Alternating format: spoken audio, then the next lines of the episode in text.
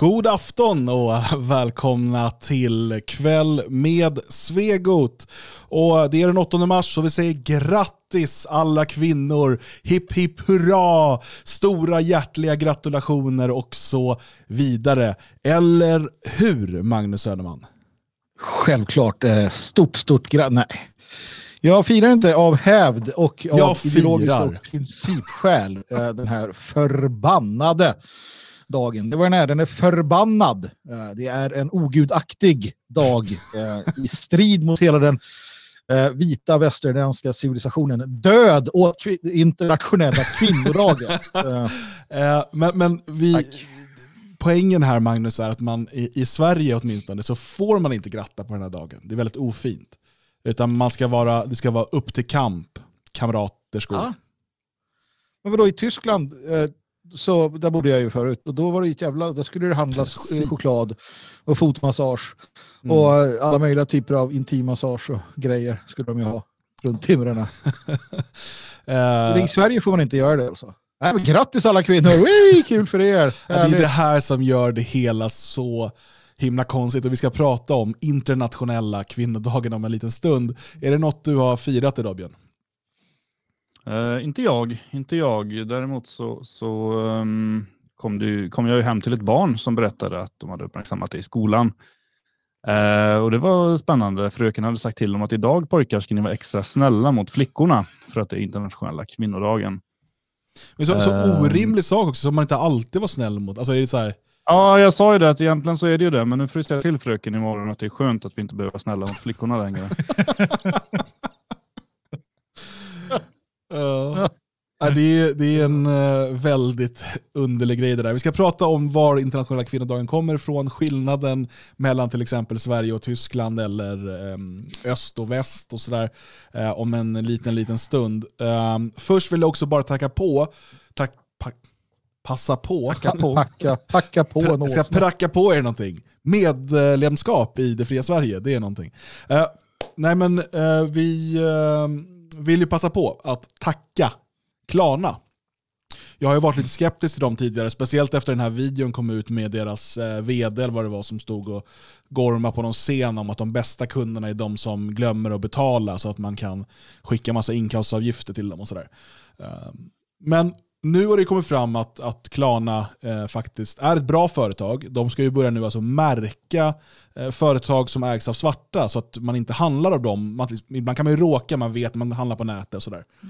Men nu så kommer Klarna göra en lista på alla svarta företag, svartägda företag. Eh, så att om man vill så, så kan man undvika dem. Så att, eh, Det vore ju tacknämligt om de kunde märka ut judiska företag också. Ja, och liksom kanske, ja, jag vet inte, asiatiska kan också vara bra att veta. Liksom. Framförallt så är det invandrade, är det liksom, konkurrerar det här med någon svenskägd motsvarighet? Allt sånt där skulle jag vilja veta. Ett allmänt rasregister vore inte helt fel, men måste ju säga att det, det fanns ju en tid då nationalister i Sverige var tvungna att skapa de här listorna. Mm. Alltså, då hade ju vi listor. Här är företagen som ägs av utlänningar, handla inte av dem. Och nu så kommer jätteklarna och andra sådana här, och de gör det åt oss. Och det, det är ju ja, det är, det är ett steg framåt. Jo, men det är tacknämligt, det får man ju säga. Alltså, vi får ju hoppas att de utvecklar det. Eh, inte den milda grad att, att det, det inte bara framgår eh, vilka företag utan även var de bor och sådana saker. Det, det ska vara lätt sen för, för utvisningsverket att bara komma och hämta. Ja. Ja, det, är, det, det är underligt det där, allt som sker. Men tack Klarna, eh, tack så mycket. Jag vill också påminna dig som tittar på det här om att imorgon så händer det två intressanta saker. Det ena för dig som är stödprenumerant på Radio Svegot. Klockan 14.00 imorgon har vi redaktionsmöte och alla stödprenumeranter är inbjudna. Gå in på svegot.se forum, kolla under Radio Svegot Eh, och så är den fastnålade tråden med statistik för februari. Där finns inbjudan till redaktionsmötet. Registrera dig och var med imorgon och var med och påverka Radio Svegots framtid. Eh, imorgon klockan 20.00 för dig som är medlem i föreningen Det Fria Sverige så är det digital medlemskväll där vi kommer eh, informera om det senaste som händer i föreningen. Eh, och eh, Det händer mycket i föreningen och en, en del av det kan vi informera om imorgon. Men vi ska också prata om det här med förbud mot medlemskap i rasistiska organisationer. Ehm, hur kommer det eventuellt påverka oss och hur ska vi tänka och resonera och så vidare. Så är du medlem, in på friasvenskar.se, registrera dig för medlemskvällen imorgon och var med och delta. Är du inte medlem så kan du bli det med detsamma. Är du medlem Magnus? Ja, naturligtvis är jag medlem. Jag blev bara rädd här nu för att jag, jag vet att ibland så är man liksom precis på håret där. eh, För att, eh, jag är ju inte årsmedlem av någon uh, jobbig anledning utan sån där månads... Uh, sjö, vad heter det? Månadsmänniska. Mm. Ja, ja, och det är så. Månadsmänniska. Nej, men det, det gör ju att det blir lite sådär knepigt. Uh, men nej, annars är jag det, absolut. Självklart, självklart. Du då? Du då? Eh, jo, absolut. Jag är medlem sedan dag ett kan man säga. Ehm, så det, det är bra. Bra. Jag är lite disträ och det är för att jag har anskaffat en sån här padda, förstår ni? Inte Ja. djuret utan det elektroniska hjälpmedlet och jag försöker logga in här på ett ställe och det går liksom inte riktigt. Du skulle gjort det innan Så att sändning ni kanske? vet. Eh, jo, fast då var jag, jag jagade som polis och höll på med annat. Är det här någonting du vill berätta Eh, mer om? Nej, jag tror, inte- jag tror vi lämnar det där här. Jag har redan sagt så mycket känner jag nu. Ja. Faktiskt. Nästa gång är det Magnus som jagar dem så att det jämnar ut sig. Precis, precis. Det är eh, liv, livet som rebell är, kan där händer det underliga saker helt enkelt. Så är det. Så mycket kan vi säga. Eh, nåväl, internationella eh, kvinnodagen är det idag och eh, det ska vi prata om. Vi ska prata om Harry och Meghan eh, och deras eh, intervju hos Oprah Winfrey och lite grann om monarki sådär allmänt. Då ska vi prata om den här tusenmannamarschen i Stockholm som den kallades. Och kanske framför allt massmedias bevakning av det och liksom vad man skrivit efteråt. Jag tror att vi kanske kommer komma in lite grann på Vetlanda-fallet och medias bevakning av det också. Och sen eh, hoppas jag hinna prata om kontrajihadismen som en trism. Jag vet det är många ismord i det här, men eh, vad det handlar om är vad var det som hände och när blev den nationalistiska och invandringskritiska rörelsen så fokuserad på islam? Och kanske varför? Så det är, är våra huvudämnen för ikväll. Och sen har du väl, Magnus, har du förberett några fantastiska fakta för ikväll? Självklart, de finns på den här paddan eh, som jag håller på att försöka att logga in på och förstå hur jag ska eh, ordna det. Det är en, en fantastisk fakta är att eh, det här har gjort vårt liv mycket enklare. Eh, alla ek- elektroniska saker. Jag försöker ju vara som dig Dan. Du vet att jag försöker vara som dig när det gäller de här eh, nya teknikaliteterna. Men eh, ja, jag är bara hälften så bra. Ja. Men det tror jag att du har, att du har en något yngre man bredvid dig där som kanske kan hjälpa dig med tekniken. Precis, precis. Så är det, så är det. Ja. Mm. Ehm, internationella kvinnodagen den 8 mars är det idag alltså. Det här är en dag där mitt äktenskap prövas varje år. Eh, och det är bra att ha de dagarna liksom, för att se, håller vi fortfarande eller inte? Ehm, det här är ju helt mitt fel ska sägas. Ehm, det tar jag på mig. Oftast eh, när man bråkar med sin fru så är det ju ens frus fel. Det, det vet ju alla män. Men den här gången så är det mitt eget fel. Och det är för att jag av princip vägrar att eh, uppmärksamma den här dagen. Eh, och då tänkte jag uppmärksamma, men man får ju inte gratta. Nej, men har man en fru som är född i DDR eh, och uppvuxen i Tyskland så är det här en dag då männen ska köpa blommor och choklad och passa upp på, på kvinnorna. Eh, till skillnad från i Sverige där man alltså då, det, det är fult att, liksom säga grattis och sådär. Eh, men det intressanta med det är att kvinnorna i Sverige har mer rätt om den här dagen om man ser den till ursprunget. Kvinnor i Sverige vet vad det handlar om. Eh, skillnaden är att eh, de länder som tidigare var kommunistiska eller socialistiska, eh, de, eh, där har den här eh, dagen varit en sån integral del av högtiden under så lång tid. att Eh, det som började som en, en protestdag, när sen kommunismen hade införts, då var ju liksom protesterandet inte längre någon viktig del. Man kan inte protestera mot den kommunistiska utopin, paradiset. Så att eh, kvinnodagen eh, i de kommunistiska länderna blev istället en dag för att fira. Och sen har det här då eh, i och med kommunismens fall och eh, liksom kapitalismens intåg i öst blivit då till en kommersiell högtidsdag, precis som alla hjärtans dag eller eh, ja, liknande dagar. Liksom, då, då man framförallt ska konsumera saker. Eh, så låt oss eh, börja då med internationella kvinnodagen. Var, var har den här dagen sitt ursprung mina vänner? Ja, om vi bara tittar snabbt då och inte sönderdelar det så är det en dag som instiftas 1910. Vet ni, så den har ju många år eh, på nacken. 1910 och den instiftas av då den socialistiska världsorganisationen, andra internationalen. Um, och det här görs på initiativ av en tysk kommunist, Klara eh, Zetkin. Uh, eh, mycket otrevlig människa, måste jag säga att hon var. Fantastiskt otrevlig, sån här kommunisttyp. Och eh, ja, det, det, är ju, det är ju där du har ursprunget. Va? Så att det man kan konstatera är att om du firar den här dagen så firar du en, en kommunistisk eh, inte, kampdag, ska vi nog kalla det för. De hade nog sagt kampdag. De var också insnöade på det här med att allt var kamp för dem. Så att det är en kommunistisk kampdag, har inte så mycket med kvinnor att göra. Eh, har mycket, mycket mer med den här kommunistiska idén om att allting ska vara i strid mot allt annat hela tiden. Så det här handlar mer om att kvinnor ska vara i strid mot män än att män ska bry sig särskilt mycket mer om kvinnor så att säga. Eh, så det, det är själva grunden för detta. Ja, och eh, det man kan säga då det är att det här då som instiftades av uh, den socialistiska uh, internationalen, um, andra internationalen, det var först på lite olika datum. Um, jag tror att det var 1914 som man då hade det på den 8 mars uh, första gången för att det var en söndag om jag inte minns fel. Mm. Eh, sen sammanfaller det här också då med eh, den så kallade februarirevolutionen 1917, vilket då ses som upptakten till ryska revolutionen, vi har ju sen oktoberrevolutionen.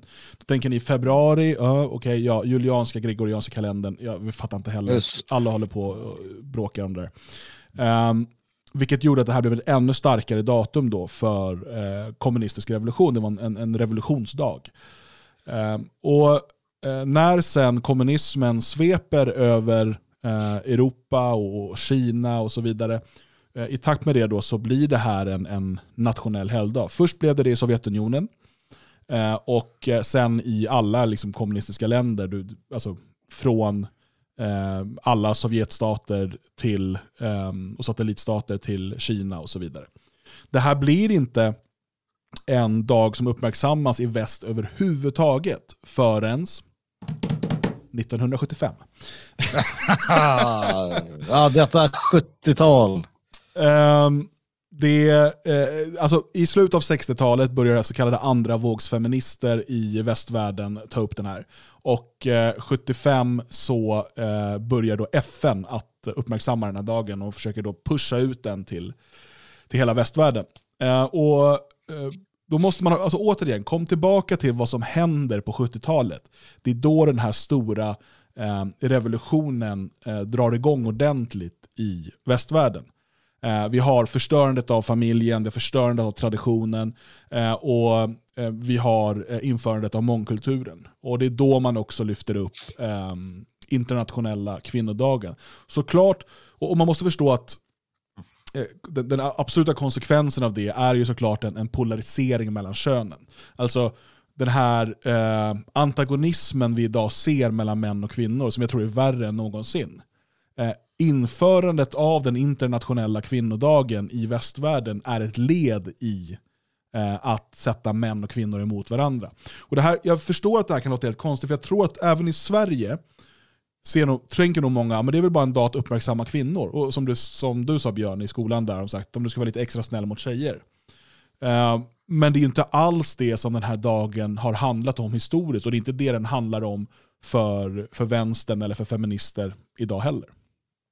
Men, men eh, nu är det ju som så här, Dan Eriksson, att eh, FN 1978, eller 1977 om jag läser rätt här, 78 eh, där, där tar man ju till sig FN, Förenta Nationerna. eh, en, en samling av alla nationer i världen, Dan. De tar det här och gör det till sin dag, där man ska vara snäll mot tjejer.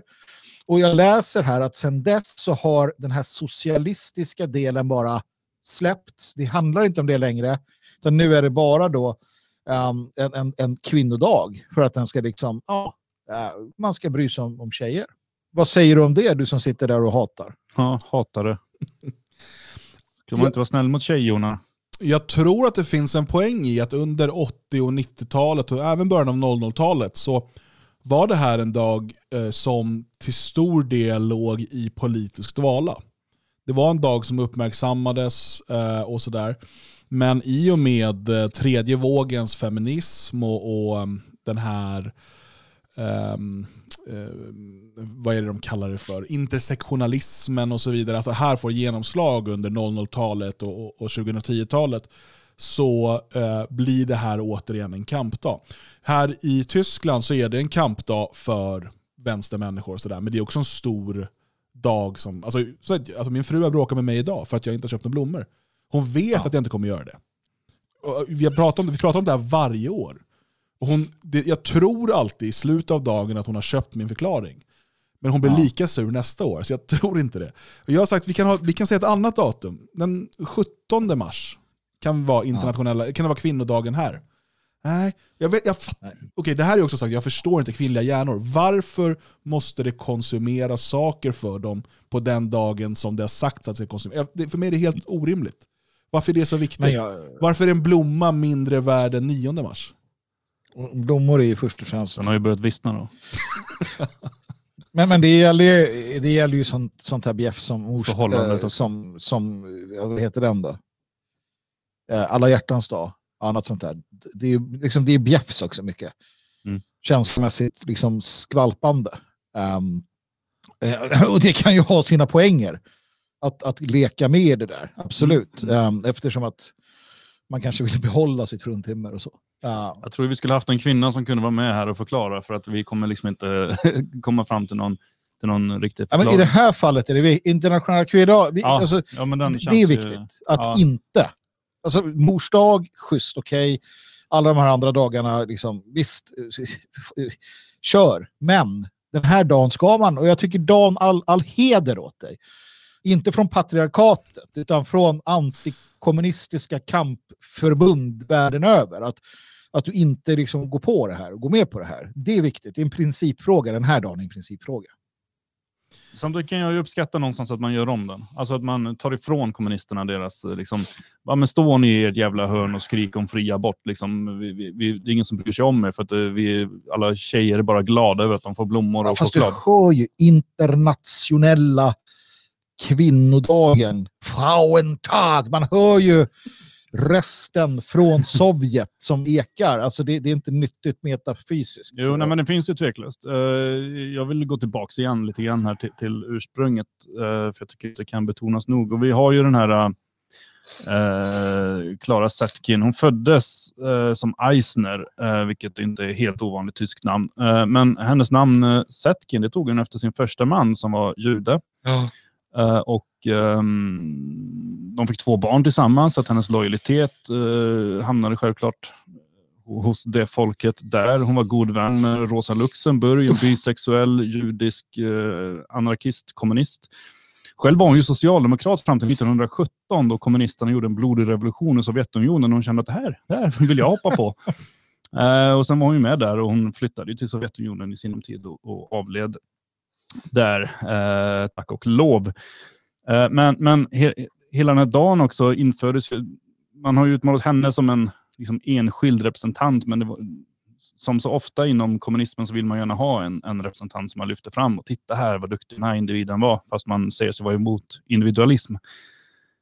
Och som vanligt så blev det ju snarare, alltså det här var ju ett, ett hopkok av kommunister från hela världen. Jävligt obehagliga människor som, som införde den här dagen. Det är ju inte bara en enskild person, utan det här är ju, det här är ju världskommunismens dag. Mm. Ja, men är det något som är obehagligt så är det ju att, att se då, som vi gör idag, vi ser hur, hur uh, säkert KD eller så här som ska vara, så här, man ser dem på Twitter, de säger men jag är borgerlig eller jag är konservativ tjej, bla bla bla. Som säger nu är det internationella kvinnodagen, nu ska vi fira mig, eller så här. Um, och det kan jag tycka också är, är upprörande, för det är så ohistoriskt. Men det är ju för att, alltså, helt ärligt, i riksdagen idag så, åtminstone liksom till höger så att säga, det finns ju ingen ideologi. Det finns ingen, Nej. vad står de här människorna ens för? Alltså det, det är det. Allt är ju bara posering och, och, triangulering, det är liksom allt det handlar om. Uh, så jo. att Ebba Busch, jag menar, hon, är ju liksom, hon är ju lika ideologisk som en skollåda.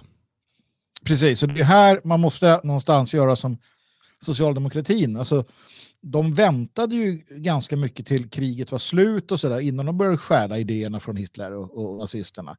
Och tog mycket av det och så.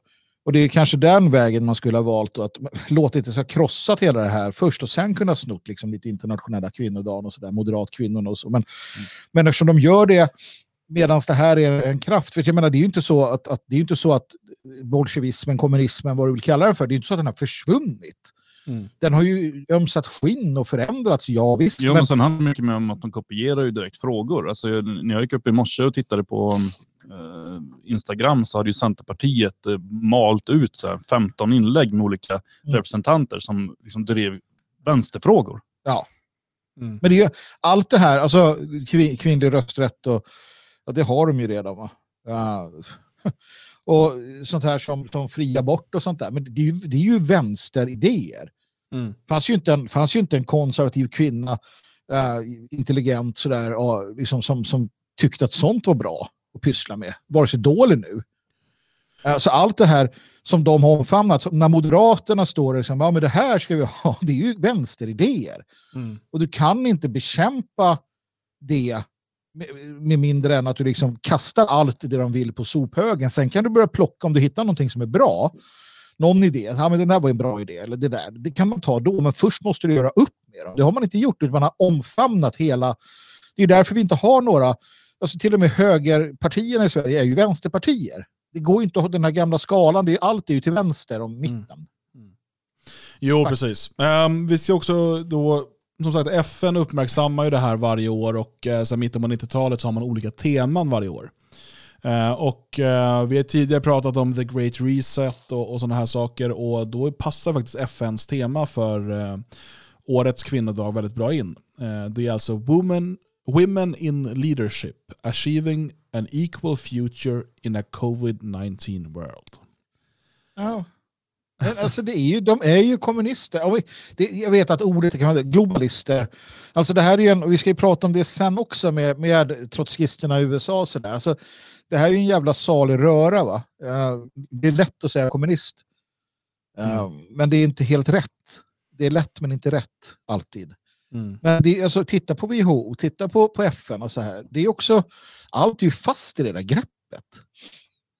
Mm. Så nej, det passar ju in såklart. Och det är klart att de firar det här. Uh, världens samlade vänsterpartier som är i princip alla. Men, men borde inte vi, här, som jag sa, vi... Ja, för mig kan det, jag har inget problem att ha en dag då man lite extra uppmärksammar kvinnor. Um, det, det, det är väldigt kul. Alltså, det, det, kan vara bra för oss män att ha en dag då vi får en spark i baken. Att eh, komma ihåg nu att uppmärksamma din kvinna lite. Man, glöm, man är upptagen med så mycket annat. Eh, ja. Har inget problem med det. Men varför, vi kan väl hitta på ett eget datum då? Varför mm. måste vi använda det på den kommunist... Alltså vi kan väl säga, jag vet inte, något så här datum som passar. 20 april är bra festa tänker jag.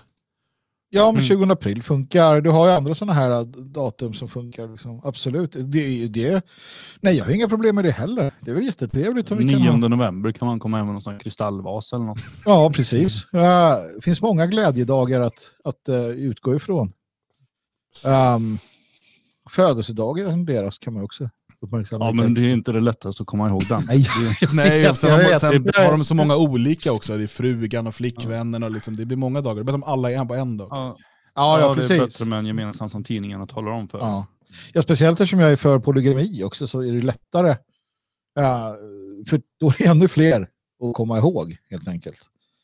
Mm. Men nej, det är klart. Det är klart att vi skulle kunna ha det. Men sen eh, kanske man säger, men inte ni det går inte att driva den här frågan. Nej, men det gör vi inte heller. Jag har inga, jag har inga aspirationer på att få AFS eller SD att så här, vi ska upphäva internationellt. Nej, Nej. de är politiker. Det liksom kör på med kvinnodagen och vad fan ni känner för om ni nu gör det. Jag vet inte. Men det är inte vår roll här utan vår roll är att ta upp den här typen av absurditeter och sen så påvisa för er som idag har firat internationella kvinnodagen att ni måste fatta att ni har gjort något dumt. Va? Tänk, tänka om, göra om och göra rätt och sen stå upp mot era kvinnor och bara nej. Ut, eller nej, stopp. Inte ut. Det är inte, inte kvinnorna ska ut. Ut och demonstrera. Va, vad heter Ja, hon, det- eh, Mercedes-Benz-frugan? Berta. Så jä... alltså, henne. Ja, och hon var ute och åkte bil först av alla och så där höll på ju, tog längre sträcka och Ja. sånt ju. Och snygg var. Har du sett hur snygg hon var? Ja, Berta? men alltså vänta, se, hon är född den tjej. 3 maj, död... 3 maj skulle väl kunna bli en bra eh, 3 kvinnodag. maj. Absolut. Till minne, till minne av Berta Benz. Och så Ja. hedrar Alltså, vi var ju... kvinnor för deras fantastiska eh, eh, framgångar eller någonting. Jag vet inte. Vet ni vad Berta gjorde? Alltså hon, hon då, papp, äh, inte pappan utan maken där. Merce- Hette han Mercedes? Carl Benz. Han hette Mercedes. Ja. Han i alla fall hade ju byggt en Brorsan bil. Opel bara, ja ja. Ja, Opel Benz. Uh, nej, men han hade ju byggt en bil där. Och Berta eh, såg ju den och tänkte den här ska jag testa. Så han sa till, hon sa till eh, gubben där att nu lånar jag bilen. Och han bara ja, ja, gör det. Och så försvann hon och var borta flera dagar och telegraferade hem. "Du, det gick bra att köra den här så att nu är jag typ, han hade åkt ganska rejält långt. Han åkte alltså från Mannheim till uh, Pforzheim. Eh, Precis. Och ehm, Det ju inte ha funnits massa bensin. mackar då. Nej, på apotek kunde man köpa bensin. bensin. Så, Mm. 106 kilometer. Så sen eh, körde hon telegram hem och, så, och sen återvände hon dagen efter. Ja, Eh. hur coolt är inte det? Där har du ett fruntimmer. Och snygg var hon också, kan jag säga, på en gång. Ja, och det är det som räknas. Ja, ja, men snygg, kör bil. Liksom klädde sig anständigt. Lite smårolig och lite uppkäftig. Jo, men det var en, det är en bra kvinna, Berta. Coolt Ja. namn också. Berta borde få ett, ett liksom renässans. Ja, det tycker jag verkligen. verkligen. Uh, får jag en till dotter så blir det Berta. Ja, Berta utan Eriksson. tvekan. Det hör man ju. Det hör man att det, det, är, en, det är en kvinna med kraft. Ja, du jävlar. Berta Eriksson. Kommer gå till, hon, ja, hon är redan i liksom Panteonen. Hon, det är stordåd på, på den. Hon kommer bli den sista kvinnan som kör bil. Och där har ni vårt politiska program. På tal om kvinnor, Meghan Markle. Denna färgklick i den Oh. brittiska kungafamiljen ehm, har nu tillsammans med sin make eh, Harry, tidigare prins Harry, är han fortfarande prins? Ja, han var ju man en gång i tiden också. Är han fortfarande man? De är en typ av hertig någonting nu va? Men, men Ja, de har någon sån där jävla titel. Det har de, absolut. Ja. tidigare prins Harry i alla fall. De har ju nu ställt upp på en, en eller ställt upp på, de har ju fått jätte, jättemycket pengar för att göra en, en lång intervju med Oprah Winfrey. Och eh, den här intervjun har såklart blivit väldigt, väldigt omtalad och det var, man visste redan innan att nu ska det komma stora avslöjanden. Eh, Jo. Jag har sett delar av intervjun, jag antar att ingen av er har sett hela. Eh, Jag hoppas inte det. Utan vi, man har sett det som är det mest omtalade.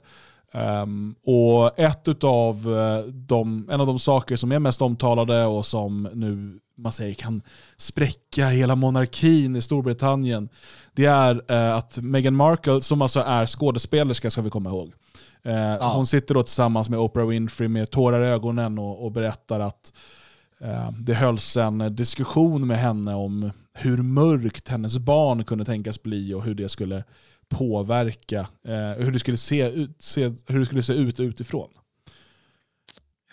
Och eh, Oprah blir en What you say my nigga? Och sen alltså, höll de på sådär ett tag och säger You, oh yeah, yeah. Och så, jag vet inte. Men det var det jag fick fram av det. Eh, Fick och, publiken något? va? Fick publiken någonting? De brukar alltid få något. You get a baby, you get a baby, you get a baby. Ehm, nej, eh, så eh, vad, vad fick ni mer från den här, de här klippen och intervjun vi har sett? Alltså, stämmer det så blir jag ju lite glad. Eh, Eftersom att Nej men så här, brittiska kungahuset, uh, nu är inte jag, nu är inte jag liksom för British Israelism, jag tycker det är lite outdated och galet, men de har ju en cool idé om att deras kungahus... Du säger liksom British Israelism bakom. som att vi alla, ja, precis, ja, bra du kom in på det. Jag tänkte bara som att alla ska veta vad det innebär. Ja, men det ska man göra. Annars, har man ju, man ju, annars är man inte riktigt med i matchen. Uh, det var i alla fall en, en, en idé som uh, britterna tog. Uh, för att britter är ju jävligt rasistiska mot allt som inte är brittiskt kan man säga. De ser ju sig själva som en, en öras, en egen ras egentligen. Och det där har ju liksom lett till roliga saker. Men de spårade ju sig själva och eh, kungahuset tillbaka till de gamla, gamla israelitiska kungarna inte israeliska, för det fanns inte. Så sluta med de där dumheterna. Israelitiska kungarna från Gamla Testamentet och tillbaka till lustgården och hela den där saken. Um, och de har varit väldigt noggranna med att, att hålla det arvet. Ja, och där ska det liksom inte hålla på och, och, och förmörkas och fläckas ner. Uh, sen har man ju varit lite orolig att de har ändrat sig där. Jag gillar egentligen inte brittiska kungahuset. På senare tid tycker jag att de har varit ganska knepiga på många sätt. Uh, men, men jag respekterar dem för att de, de står ut och håller ut någonstans. Och det är ändå en monarki som är levande. Och så kommer den här jävla kärringen. Um, och, och liksom, precis som den där jävla Lady Diana skulle hålla på att ställa till det för dem också. De är inte bra på att välja kvinnor. De ska lyssna på mamma drottningen. Så blir det ordning. Um, mm och, och, nej, men så att jag kan tänka mig att man undrade det här också. I alla fall någon. De har ju sagt, sagt i efterhand att nej, det var inte drottningen och det var inte pappan utan det var någon i hushållet eller någonting. Så de ändrar sig. Men det här är ju också bara, vad fan är det här? Va? Uh, liksom de är lite sura att de inte, är... för de vill ju vara uh, liksom ha det kakan och äta upp den. De vill ju ha alla titlar och godsen och allting men samtidigt köra på eget race i Los Angeles. Ja, eller hon vill det. Han är ju en kack. Han är ju så jävla ja, men Hon vill ju typ hålla på att spela in sexscener i Hollywood och samtidigt vara prinsessa. Ja, men pre precis, precis. Och bara, varför får inte jag det? Vad elaka de är mot mig, herregud. Va? Uh, och sen, så det, är det, det andra är att jag retar mig över att så här, uh, ja, jag såg på Nyhetsmorgon i morse. Här, ja, hon sa det här och det är fruktansvärt och de behöver stå ut med Men vänta du, det är ingen som säger ja men det här kan ju bara vara lögner. Mm. Är en infekterad fråga. De fick ju lämna tillbaka en massa miljoner och sådär. Mm. Nej, men det, det är sorgligt att se och som sagt Lady Di var ett jävla misstag också, sprang iväg med den där jävla araben och mm. höll på att härja och, och, så. Så att, nej, det har inte varit bra för dem det här. De borde hålla sig inom adeln kanske. Eller något. Ja, det, det finns ju Eller, mycket, som, det, det finns mycket som är problematiskt i det, där, i det där kungahuset. Det är väl i de flesta kungahus om vi ska ärliga. Uh, jo, vi men, behöver ju nya monarkier, det är det. Mm. Nya ätter. Uh, men men uh, hela den här grejen att tro... Alltså hon kommer från woke Hollywood. Uh, ja. In i det brittiska kungahuset. Hon är inte britt. alltså inte bara det att hon liksom är, är liksom, blandras, utan hon är inte britt, hon är amerikan. Eh, hon förstår inte, hon har inte, den, hon har inte någon, någon sån känsla för det brittiska kungahuset som bara en britt kan ha. Eh, och eh, Sen kommer hon in i det här från, från woke Hollywood och eh, tror att hon ska, liksom, a, a, att det ska fungera likadant som det gör eh, där. Och att liksom, det ska vara någon typ av, hon är ju väldigt driven i sådana här, eh, Eh, sådana här vad kallas för, identitetspolitiska frågor och så vidare. Och um, att hon ska kunna fortsätta med det inom kungahuset. Hon fattar uppenbarligen inte, eller så fattar hon det men hon vill förstöra. Men jag utgår från att hon fattar inte att hon blir en del av en institution som sträcker sig väldigt långt tillbaka i tiden. Och då är det bara att inordna sig. Du, du, genom att gifta in dig i ett kungahus så går du med på att du, ger, du får en massa privilegier, men du gör dig också av med en massa friheter. Och det, det, ja, men... det, det, alltså annars, tänk dig om eh, kungafamiljen skulle ha samma friheter som alla oss andra och kunna bete sig hur som helst, men har de här privilegierna, det hade ju ingen accepterat. Nej, och, och sen är det ju så att, att äh, jag tror som du, du har rätt i det, hon kommer in och ska ändra på allting. Um, nu har ju brittiska kungahuset, precis som alla andra kungahus, förändrats. Uh, I många fall till det oigenkännliga. Jag såg att våran uh, uh, kronprinsessa stod uppställd på någon bild med en jävla QX-symbol och skit och sådär. Ja, ja hon är ju varit, hon är, hon är också woke. Hon är, ja, ja, precis, och, precis. Och hon är kronprinsessa som sagt, så hon, har snart, ja. uh, hon är snart Sveriges statschef. Ja, och det där kommer ju, där kommer ju undergräva och förstöra eh, monarkierna. Att de blir så att säga woka. Eh, och det fattar ju drottningmoden såklart, eller drottning, drottning Elizabeth. Um, att det här är ingen bra. Hon har ju sakta men säkert anpassat, uh, alltså gått, tagit sitt kungahus in i den nya världen. Mm. Men all, hon har liksom inte gått över, överstyr. Det kom, när det sker, sker, så kommer de här monarkierna, de sista som vi börja falla. För att det är nämligen så här, i det voka så finns det inte plats för monarkier, dumjävlar. Mm. Och det är det man vill säga till, till, till kronprinsessan i Sverige. Så, men du, du måste ju förstå det här. Um, om du omfamnar det här så kommer du oustas ut. Du kommer sättas liksom bort för att det finns inte plats för er. Um, de, för att i, det, i, den världen så vill man ju inte ha den typen av institutioner. Helt enkelt. Det är så himla dumt. Va? Mm. Och det gäller ju brittiska kungahuset också. Uh, så de kommer falla. Och då kommer vi välja en ny kung. Kung. Mm. Så som vi en gång gjorde. Precis, på Mora stenar här uh, uppe på uh, Kinnekulle. Mm. Just det, Uppsalabor. Inte där, här. Så nu ska vi prata om eh, Västergötaskolan och... Det ska vi göra. Och Uppsala, myten om upp, Uppsala. Alltså, allt det här finns här i krokarna. Ja, så är det bara. Så, men vi kan ta en holmgång upp land och vi. Mm. Någon gång. Kanske. Um, men, Vad säger Björn om? Ja, Björn, är det här slutet för den brittiska monarkin? Ja, jag ville prata, prata Svea rikes vagga, men vi kan, eh, vi kan eh, hålla oss till eh, kungahuset. Uh, nej, det här, just det här enskilda är ju inte, inte slutet på någonting. Uh, möjligen det här beklagliga parets, uh, liksom, de tappar nog rätt mycket hos britterna skulle jag tro. Men vinner väl desto mer hos uh, somliga amerikaner, sannolikt. Uh, däremot så är det ju, precis som vi är inne på, att, att det här är ju um, det vi ser är ju så pass patetiskt så att kungahusen kommer ju falla ett efter ett. Eh, jag har inte haft jättekoll på de här britterna. Jag finner dem tämligen ointressanta, men om man tittar på det svenska kungahuset så är det ju på sätt och vis likadant. De har inte valt några eh, rasfrämlingar, men däremot så, så det här QX-jippot som hon väl har vistats på ett par gånger, plus massa liknande saker, gör ju att eh, de gräver sin egen grav. Och jag kommer inte gråta när de, när de ramlar ner i den. Liksom. Mm. Det är rätt kul, det måste man säga, att de har ju de har ju stöd ändå, Markle, Meghan och de här. till exempel då så har Serena Williams gått ut och twittrat eller sagt till Reuters att ruttna institutioner måste bort. Och också det före detta tennisproffset Billie Jean King Uh, tycker det. Alltså saken är den. Uh, och det är alltså, också förlåt, Serena Williams är jänkare. Hon har ingenting med det att göra. Sätt dig ner och håll käften och plocka bomull. Precis. Jag skiter i det. Alltså, det är helt... Hon har inget med det att göra. Jag förstår inte varför, varför de ens ska säga sådana saker. För det är namn. Billie Jean King är också det är amerikanska. Liksom. Republikanska gruppen i Storbritannien.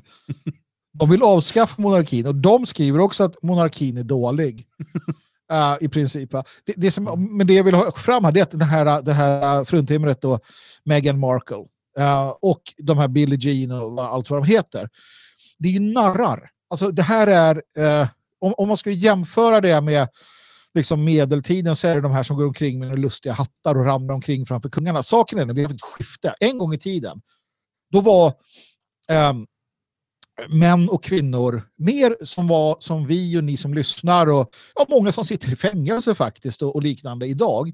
Det var kungar, det var härskare, det var, alltså, det var krigsherrar, det var de som såg till att ordning eh, var i landet, sådana som, som vår gamla kung Gustav Vasa och så vidare. Det var de som styrde och ställde och tog kvinnor och hade familjerätter och så. Vi har Sverkar och vi har Eriksson och allt vad de heter. Eh, sen hände en massa saker och nu är de utbölingarna. Medan sådana här jävla värdelösa människor som Meghan Markle, vars enda egentliga, det enda hon kan, det är att stå och liksom så här spela någon annan på tv. Mm. Ärligt talat. Alltså skådespelare, vad, vad fan är det? Kom igen nu. Jag, jag, kan tycka ja, alltså, att de ska, de ska skådespela, det är väl det de ska göra. Ja. Och de ska ju inte, de ska absolut inte... Ja. Var, varför skulle hennes eh, åsikt om någonting vara viktigt? Förutom skådespeleri eller dramatik Precis. och sånt där. Det kan ju hon ha jättemycket åsikt om. Ja. Nej, men så du har liksom narrarna och, och, och liksom så här, ja, den typen av människor som idag då ska på något sätt ja, kommentera liksom stora politiska händelser. Sara Larsson tycker till om världspolitiken. Mm. Och vad fan, hon ska ju bara stå i, liksom sitta i stupstocken i gamla stan eh, ja, så förr i världen. Liksom, tydlig, för att hon kunde typ hon var så snuske eller någonting. Tänker jag ungefär. okay. Ja, vår, vår slutsats som kungahuset är alltså att Sara Larsson borde sitta i stupstock. Ja, men det, det, det, det är därför också jag lite ser fram emot framtiden. Uh, kanske inte för egen del, jag kanske inte får vara med. Men det här att, att när, när vi har möjligheter igen och så här, välja vår rikshövitsman, eller att alltså, om, om det fortsätter så här, om samhällena liksom splittras upp och så, och det blir de här nya klanerna jag väljer att se dem som ett, alltså det gamla ättesamhället där vi har liksom den björkkvistska ätten uh, och den södermanska ätten här i Elgaråset som slåss om makten. Nej, vi kan väl samarbeta så här. Men alltså, och så bara, nej, men nu utser vi någon ättling så här, det, till rikshövitsman eller till kung. Och, det blir lite ordning på skutan igen. Uh, det, det ser jag fram emot. När vi kan få bort Bernadottarna och så här. Äh, men ja, men saken är att tanken med, nominellt i alla fall, med demokrati och så vidare, och diplomati och allt det här, eh, har väl varit just att kunna lösa konflikter och sånt här utan allt för mycket våld och blodsutgjutelse. Men tänk ja. om det var våldet och blodsutgjutelsen som gjorde det livskraftigt. Ja men det var ju det. Någonstans i grund och botten måste man ju ändå erkänna alltså, det. Så här, kanske var det för mycket våld och blodsutgjutelse. Alltså, du vet, det var inte optimalt på något sätt. Men jag tänker att det är en tanke man bör ta med sig i alla fall. För att Eh, absolut, demokratin och, och diplomatin och sådär istället för, för krig och, och eh, stamstrider och så vidare har absolut minskat den typen av, nu har vi fått in andra våldssaker i och för sig, men, men eh, att vi kan avgöra då politiska eh, spörsmål på andra sätt och sådär. Åtminstone nominellt. Um, men, men har det blivit bättre egentligen? Det är det som är frågan. Det, det finns ju filosofer, jag kommer inte ihåg vad han heter nu, men som liksom kriger alltings moder och sådana här saker som är rätt sköna uttalanden. Um, till del kan man hålla med. Uh, jag vet, jag hade en lång diskussion med, med en person um, via brev om det här och han, han sa att men titta nu så här Magnus, han, han lärde mig en del och sa att uh, innan, alltså så länge, när, när våra när, våra, när, våra, när vår ras är trygg i sina nationer, då kan vi gott och väl, som han skrev, mötas på Idavallen och slåss med varandra igen. Alltså, vi kan skicka vikingatåg till börja ge oss på de här anglosaxerna, eller vi kan på olika sätt eh, härja med varandra och fortsätta och vara livskraftiga. Så länge vi säkrar vår nation, vi ska inte atombomba varandra, men ja, någonstans slå varandra på käften och kanske ha ihjäl några och sådär. För det håller raserna livskraftiga. Om vi inte gör det, samtidigt som då har massinvandring och allting, då, då har vi ju ingenting. Uh, hade vi fortsatt vara krigiska, problemet ligger i den nya tekniken, skyttegravskrigen, första världskriget, uh, liksom, och andra världskriget som, som utraderade miljoner människor. Där har vi problemet, inte att, att och det är där vi får någonstans liksom komma överens om när vi, har, när vi är säkra i hemländer igen, att nej, men det får bli, uh, det får bli liksom eh, gamla kavallerichocker och så här. Vi får, vi får ägna oss åt den typen och slå ihjäl varandra på, inte atomvapen kanske. Det tror mm. jag är bra. Faktiskt.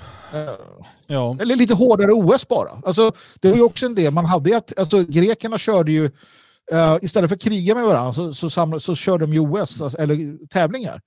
Det kanske är bättre att man säger, ja, men vi kör sådana här och så får man se hur långt det kan gå. Så slipper vi ja, då kan de som vill kriga och vi andra kan titta på.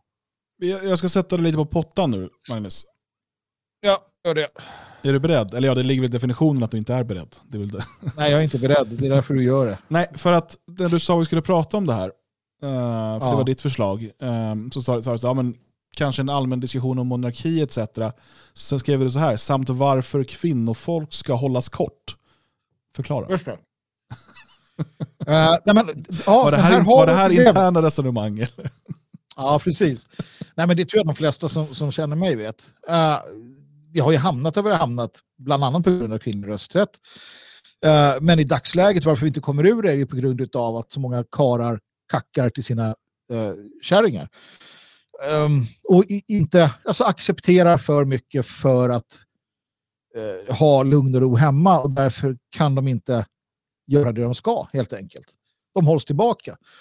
Um, och det var det. Och sen tittar man då på Meghan Markle, det finns en rolig bild i det här sammanhanget. Va? Och där de har bytt ut ansikten och då har de satt henne på honom och honom i hennes klänning där. Och det är precis så det är. Där har, han skulle ju bara säga åt henne, liksom, håll käften, gör din plikt. För det här är det som gäller. Nu har ju han liksom helt bara, alltså titta på honom. Han kommer att vara dumpad inom, inom fem år alltså. Eller hon kommer att älska, älska det. Um, och, och, och, det är ju det du ser som händer och det ser du ju på gång, alltså gång efter gång efter gång. Och det är ju ett jätteproblem. Ehm, och därför menar jag att, att de ska hållas kort när det kommer till, till de här sakerna. Um, naturligtvis. Uh, rent generellt. Då har vi fått det utrett. Uh, ja, sen har ju, en, som, som Berta Benz kunde ju liksom släppas lite lös, eller hon tog sig rätten. Det är ju svårt att säga att det ska, måste gälla allt och alla. Men vi pratar ju generella termer. Och det är uppenbart att, att det här beteendet från moderna män inte funkar. Och det är uppenbart att Uh, jag vet Björn brukar säga det om jag säger att den kvinnliga rösträtten var ju vansinnigt dum. Då kan han säga att oh, rösträtten är vansinnigt dum. Men titta varje, varje gång som man gör staplar om bara kvinnor röstade, om bara män röstade och så ser vi hur det blir. Ja, fast uh, när det gäller till exempel nationalsocialistiska Tyskland var inte kvinnorna väldigt uh, pro-NS då? Till exempel. Jo, precis. Eftersom de var populister. Eh, de lyssnade på nationalsocialisternas locktoner som till stor del innehöll ett, ett, ett socialistiskt budskap också.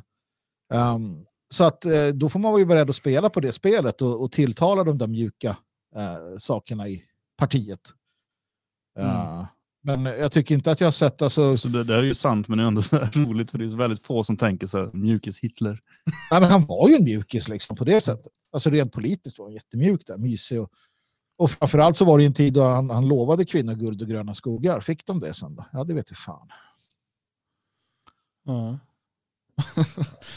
ja eh, vi får väl se. Men vad ska vi locka med idag då? Äh, ursäkta, men ska vi locka, alltså, okay, ja, men fri abort, för det vill de. Alltså det de ville ha då, det var så här, okay, jag vill att min man ska få slå mig när han är full. Okej, okay, ja, men vi håller med. Vi ser till att SA-busarna håller koll på det där. Eller så här, ja, jag vill inte, jag vill kunna, ja, någonting. Men å andra sidan, han satte ju dem i, i industrin också. Till, alltså jag är inte helt nöjd med det. Det är därför mm. jag inte är nationalsocialist kanske. Jag är inte helt nöjd med, med hur man gjorde det där heller. Mm. Ja, faktiskt. Nej, det... Men idag då, då, då är det så här, fri, ja, ni ska få fri abort, eller så här, vi ska lagstifta. Hälften av kvinnorna måste alltid göra abort för att det ska liksom vara jämställt och bra, man ska, få, man ska fan få göra sådana abort. Och sen, vad ska man mer få göra? Man ska leva ensam resten av sitt liv och bli försörjd av staten. Och det, då så här, ja, vi röstar på er. Men Kasselstrand, kör! Där har du det. Mm. Liksom kacka ur fullständigt så får du alla kvinnoröster. Mm. Sen delat föräldraskap är lite tramsigt också. Det, bör, det är ju männens tur. Så att egentligen borde bara män ta, ta hand om barnen nu. Ja, nej, men precis. precis. Mm. I ett år och sen bort med dem till skola, läger. Ja, läger, sosseläger. Mm. Jag får gå i Kasselstrandjugend. Ungdom. Kasselungdom. Kass, Kass ungdom går med i Kassel ungdom och kommer ut som Kasslers eller jag vet inte. Kan, kan Men jag tycker det är viktigt, det här är frågor som man alltid ska stöta och blöta. Det finns ingen, det, här kan vi inte hitta ett rätt och fel, men i en sån jävla svag och liksom eländig tid som den vi lever i så måste vi kasta ut oss de här sakerna. Vi måste gå på, på frontalangrepp och säga det. Nej, men upphäv kvinnlig rösträtt. Och säger du nej, upphäv all rösträtt. Då säger, säger de nej, eh, liksom något annat. Och vi måste liksom stöta och blöta det här. Annars blir det liksom bara den här jävla ideologiskt inrökta, konstiga, jag vet inte vad. Va? Det här hör ni ingen annanstans, den här typen av samtal. Mm. Det finns inte. Nej, och det, det, är ju det som är vår roll. Uh, och vad vi försöker göra, uh, och det är sånt jag försöker även på Twitter och sådär, det är att spetsa till saker så mycket som möjligt. Gärna dra dem till sin spets. Um, och för att, få, för att få folk att börja tänka och dra igång diskussioner och så vidare. Uh, ja. Medan politiker eller liksom människor som vill maximera röstantal och sådär, de måste ju fundera på hur får jag flest att känna att de håller med mig? Eh, Precis. Jag, jag är snarare så här, och det är så jag känner att vi gör det här programmet också, att vi försöker säga okej, okay, hur kan vi få flest att haja till? Så, vänta nu, uh, okej, okay, jag fattar, uh, du har 10% poäng liksom. men ja. Men en fundering jag har här, och det är alltså just det med, vi pratar om Hitler och hans mjuka frågor och sådär. Eh, alltså hur blev abort en kvinna? Alltså, vad, vad är det som gör att kvinnor är så galna i att döda små barn? Ja, men det är ju det som är det sjuka i det hela. Det är ju därför de ska hållas kort. Ja, nej men så här, resonemanget är väl så här att ehm, om kvinnor eh, kan eh, få kontroll över reproduktionen, alltså över sin graviditet, så kan de också eh, få kontroll över sina liv. På det sättet kan de bli oberoende av männen. Det är precis som hela idén varför man avskaffar eh, sambeskattningen och så vidare i, i, i Sverige och många andra länder. Alltså idén att så länge kvinnor blir gravida och, och, håller, och, och liksom är, man är gravid under nio månader och sen de flesta behöver åtminstone något år eh, efteråt innan de vill börja jobba igen, eh, så förlorar man väldigt många år på arbetsmarknaden vilket gör att man blir beroende av sin man. Det är så här de resonerar. Jag tycker att det är ett absurt sätt att se på det. Men, men det är så de resonerar. Och genom abort så eh, kan kvinnan se till att bli lika icke-gravid som mannen och därmed ha samma möjligheter som mannen. Det här förutsätter ju då såklart att eh, samhället på något sätt eh, är en tävling och allt handlar om jag, jag, jag och så vidare och, och att vi ska göra karriär. Också, det förutsätter ju också att kvinnor måste ligga runt, att de inte har någon fri vilja där. Att de kan välja att avstå och inte liksom bli med barn. Ja, men även i ett äktenskap eh, så, är det, kan, så, vill de, så, så är det kvinnors rätt att själva bestämma när de vill bli gravida. Uh, Okej, okay, de kan ju såklart neka sex, men jag kan säga att det äktenskapet kanske inte heller blir det. Men då har det ändå gått någonstans från att de driver mjuka frågor till hårda frågor. Alltså, för jag menar, vadå abort? Liksom? Bara, ah, jag är så barnsligt förtjust i aborter. Det, det, det, kan aldrig vara en mjuk fråga. Det, det är ju en stenhård fråga. Liksom. Vi måste döda barn. Mm. Men det fanns ju en idé förr i världen att om du ger, om kvinnorna får, får för mycket eh, rå sig själva så blir de galna. det, det, är så hysteriska fruntimmer som inte kan liksom så. Vem vet? De kanske, det kan ju varit så att det patriarkala traditionella samhället, de säger been there, done that, nu gör vi så här. Och sen bara, nej, nu testar vi det här och så bara... Liksom, ja, ja, så kommer det åt skogen så slutar det med att liksom, någon generation eller två, tio år fram igen så bara, nej, nu är det slut. Så funkar det. Då. Jag vet inte, jag bara säger att något är det ju i alla fall. Mm. Ah. Men om du har ett i grunden liksom materialistiskt samhälle eh, med en, en väldigt socialistisk grundsyn i form av den här jämlikhetssträvan, eh, så, så jag, ser, jag ser kopplingen, jag förstår det rimliga resonemanget bakom, eh, bakom den fria aborten. Ehm, jag tycker att den är helt fel såklart, men jag förstår, alltså, och det är grunden här som är fel, alltså materialismen och eh, jämlikhetssträvan.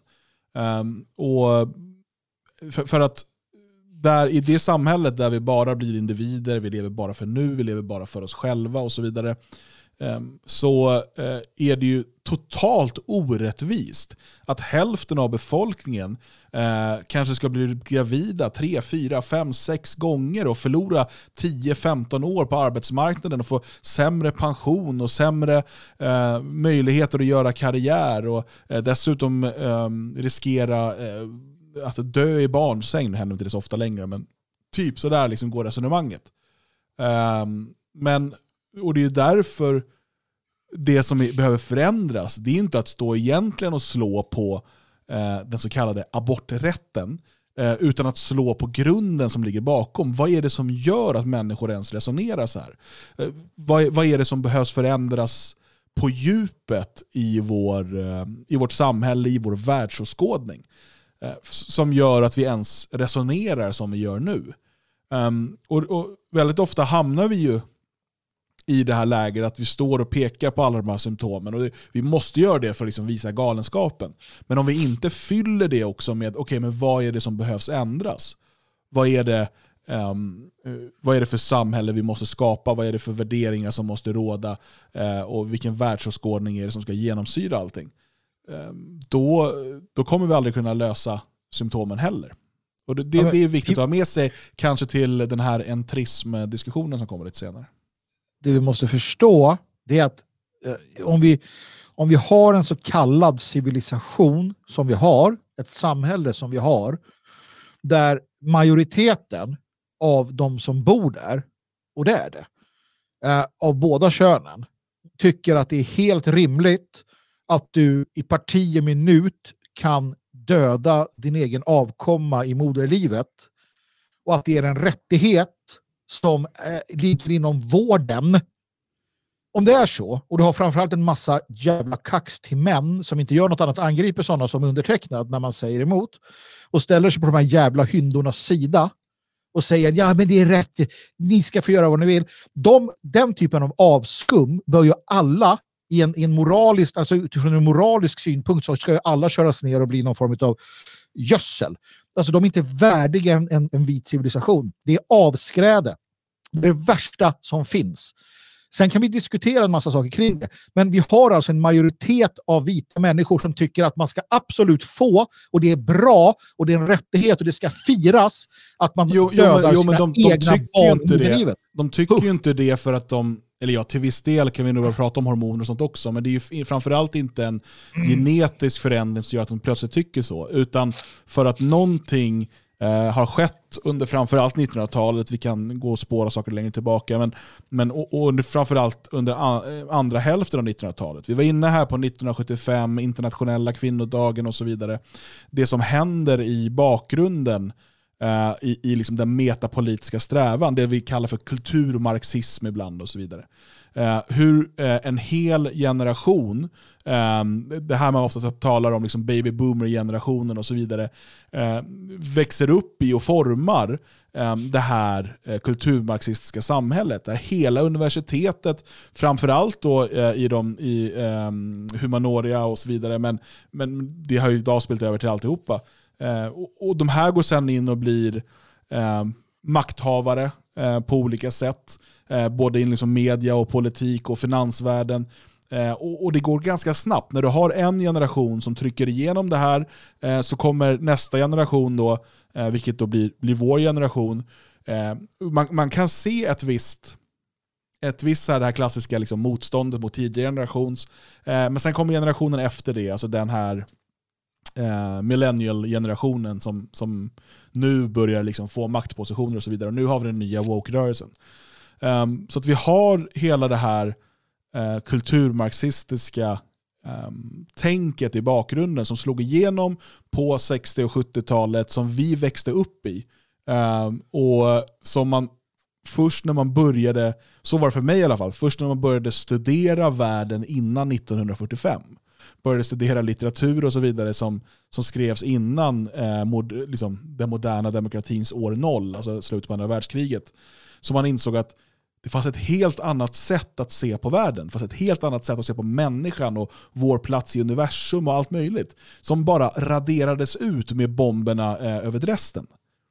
Och, och, när man, och, och- och det där väckte, och det, det är det här, liksom, det, är liksom det här, den brända, ne, förstörda eh, civilisationen och, och det, de, eh, vi- den, den kunskap som fanns där.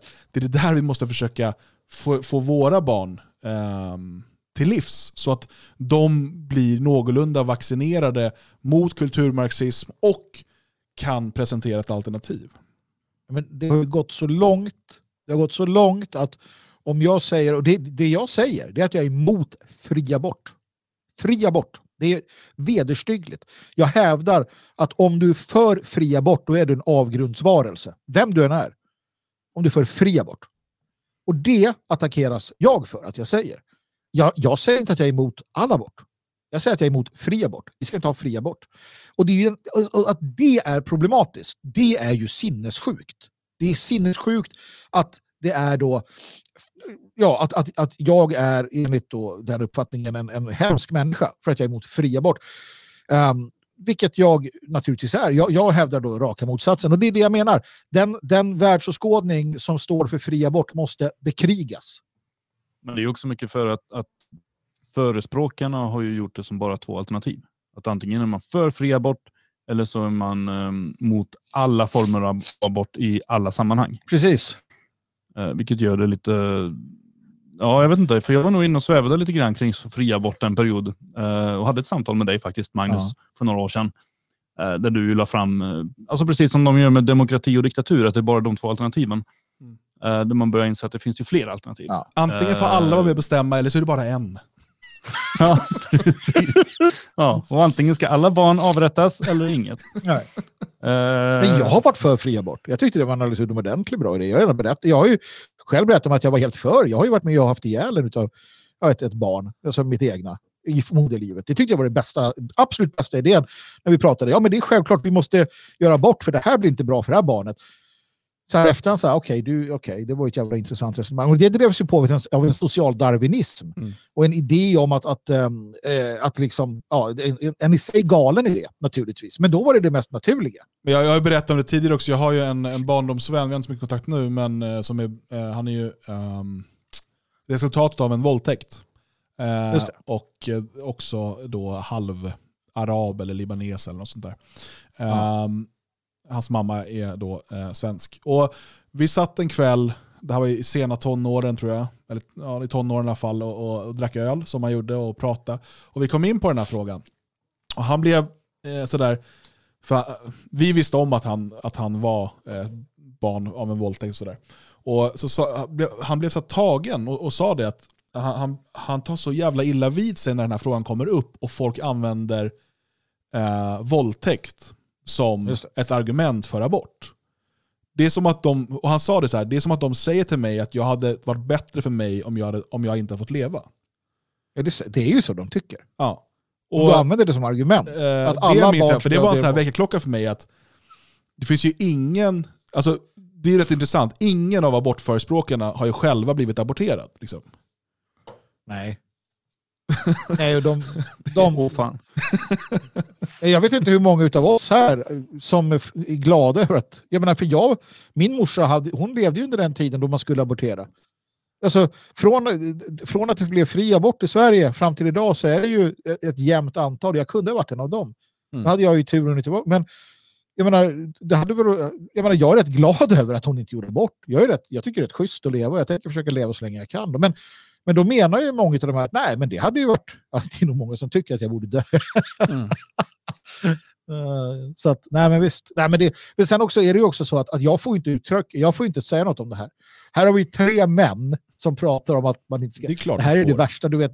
Clara Henry sitter ju och gråter blod för att vi är män och vi ska inte ens få prata om det här. Du är man, du vet ingenting. Jo du, tyst med dig kvinna. Eller Manstant.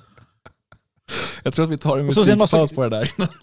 Så, Och eh, ja, vi är tillbaka efter eh, musiken helt enkelt.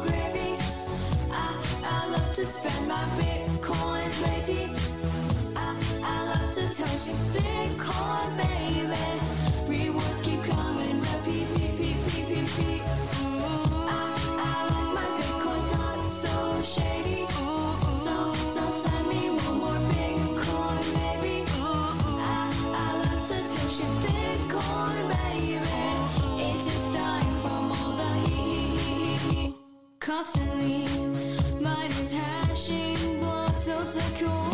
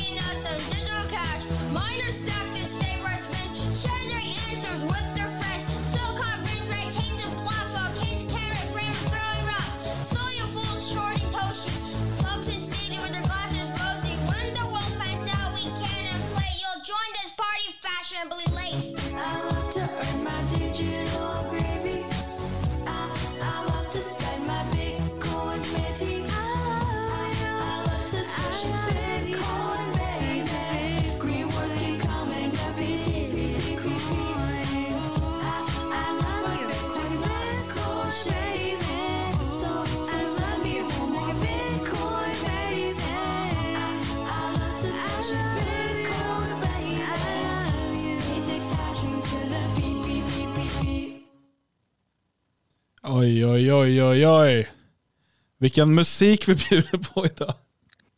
Ja, inte illa. Eh, det här... Sjutton, vad eh, bra det där är. Ja, eh, Love Me Like Bitcoin. eh, like a Bitcoin. Eh, det är roligt att den här låten eh, kom ut 2012 eh, och vid det tillfället när den kom ut var bitcoinen värd ungefär 11 dollar. Idag är den ju över 50 000, eller den går runt, omkring runt 50 000 dollar. Och det är lite roligt när de sjunger där att when you realize we cannot inflate you will join this party fashionably late. Eh, alltså, och det är som att de verkligen spår in i framtiden att ja, ni kommer komma, men ni kommer komma sent när ni inser styrkan. Ja. Och där sitter nog, jag hoppas att eh, den som skrev låten eller sjöng låten eh, också höll i sina bitcoins. Ja, jävlar. Ja, det är sjukt. Ja, men vi ska inte snacka bitcoin idag, det kanske blir det någon annan gång. Eh, utan nu så ska vi eh, till Stockholm och demonstrationen som hölls i eh, lördags, den så kallade tusenmannamarschen. Eh, och eh, jag ska direkt säga att jag blev överraskad över hur många som slöt upp. Jag eh, såg att det var ett Facebook-event, några tusen hade sagt att de skulle komma. Jag trodde inte att det skulle bli fler än 100 personer. Eh, jag får liksom ja, be om ursäkt för mitt, eh, eh mitt, mitt dåliga tro på the boomer power som det kallas för på Twitter såg jag. Eh, och det kom ju ganska många. Det, det har funnits lite olika siffror, allt från 500 till, till liksom tusentals. Men eh, betydligt fler än vad jag trodde. Eh, och dessutom måste man ju säga ehm, rakryggade människor. Alltså man faktiskt eh, stod emot polisens våld tills det att polisen eh, öppnade upp så man kunde fortsätta sin lilla eh, promenad där ner till Kungsträdgården. Eh, så eh, ja, det, bra, bra jobbat. Eller vad, vad ska jag säga? Vad tycker ni? Ja, jag håller med. Jag, Magnus står där och skrattar, men jag, eh, jag håller med. Det vart klart fler än vad jag trodde. Jag, de bilder jag har sett, eller filmer som har filmats, tycker jag att det är över de 600 som har pratats om från polisen. Eh, arrangören tror jag pratade om 15-1600 och tycker det ser ut att stämma när man tittar på filmer och sådär. Men strunt samma, det var, det var i alla fall eh, en ganska god grupp som samlades och det var ju även det som, som polisen har ju sagt att eh, de här människorna stod på sig på ett annat sätt än vad de hade räknat med, var mer målmedvetna och sannolikt också då fler i och med att annars hade man väl lätt kunnat slå bort dem. Mm. Eh, men återigen så var det ju att med, med ett numerär så kunde man fortsätta eh, i och med att polisen hade räknat med färre då. Eh, jag menar, det var inte fler än vad BLM var till exempel, men då var ju polisen mer beredd på att det kommer komma många. Och då kunde man ju hindra deras försök till våldsamheter på ett helt annat sätt. Eh, så det var trevligt, tycker jag. Det är ändå kul när folk på något sätt försöker säga ifrån när staten jävlas med dem. Mm. Ja, medhålles. Jag ska inte pissa på paraden för mycket, som man säger. Uh, men det är helt klart så att polisen var underbemannad. Um, det såg vi bara vid bron, alltså den där vederstyggliga Guldbron. Uh, de var underbemannade för att de, precis som vi och de flesta andra, tänkte att det här blir som det brukar bli. Uh, inte mycket alls. För det har varit så. hittills när det har varit om andra saker. Vi har ju haft olika samlingar och så. Den senaste corona, anti-corona-demon uppe på Söder vart ju inte heller mycket, även om det vart lite våldsamheter uh, från polisens sida. Så det hade man inte räknat med. Och, och det är ju det som uh, räddar den här gången. Det kommer inte kunna upprepas, tror jag. Uh, med mindre än att man gör samma missbedömning, att det är polisen då, för polisen kommer ta höjd nästa gång och sen då måste det bli ännu fler som deltar. Och det kanske det kan bli, jag vet inte. Det här är nya tider, nya utmaningar. Eh, Svensson eller Boomer har inte varit beredda att gå man ur huset för allt annat elände. Kanske är det här som behövs. Eh, bra i sådana fall. Så att, nej, jag håller med Men, men, precis, det. men, och sen så det här, vi är fortfarande en bra bit ifrån man ur huset kan man ju säga. Eh, man Oh ja, ska komma oh ja. ihåg fortfarande att det här handlar om, eh, återigen, det här är inte för att, eh, som sagt, jag vill inte heller pissa på paraden, men vi nej, ska det bara vara realistiska någonstans. Eh, det, det hölls ju på eh, med någon annan sån här Facebook-grej, det här folkets demonstration. Eh, Just det. Som ju drog... Gula västar inspirerat va? Ja, eller var tidigare än det tror jag. jag kommer, för det fanns innan Ja, det. Ja. Okej. Men de drog ju några tusen ett par gånger. Eller åtminstone första gången. Just det. Eh, Just det. och då, liksom, det finns ju ändå, vad ska man säga, ett, här, på, på internet, alla de här Facebookgrupperna, alla de här människorna. Eh, det finns ju mycket folk där. Eh, och, och lyckas man få ut några tusen av dem, ehm, och en hel del var säkert också inresta. Alltså bodde inte, liksom inte i Stockholm sådär. Ehm, det svåra är ju, det är lite som den svåra andra skivan för musiker. Eh, det är liksom nästa gång. Eh, för att det går säkert att dra ihop typ de här människorna igen. Men när man säger man ur huset, då är det ju så att nästa gång så kommer det tio gånger så många.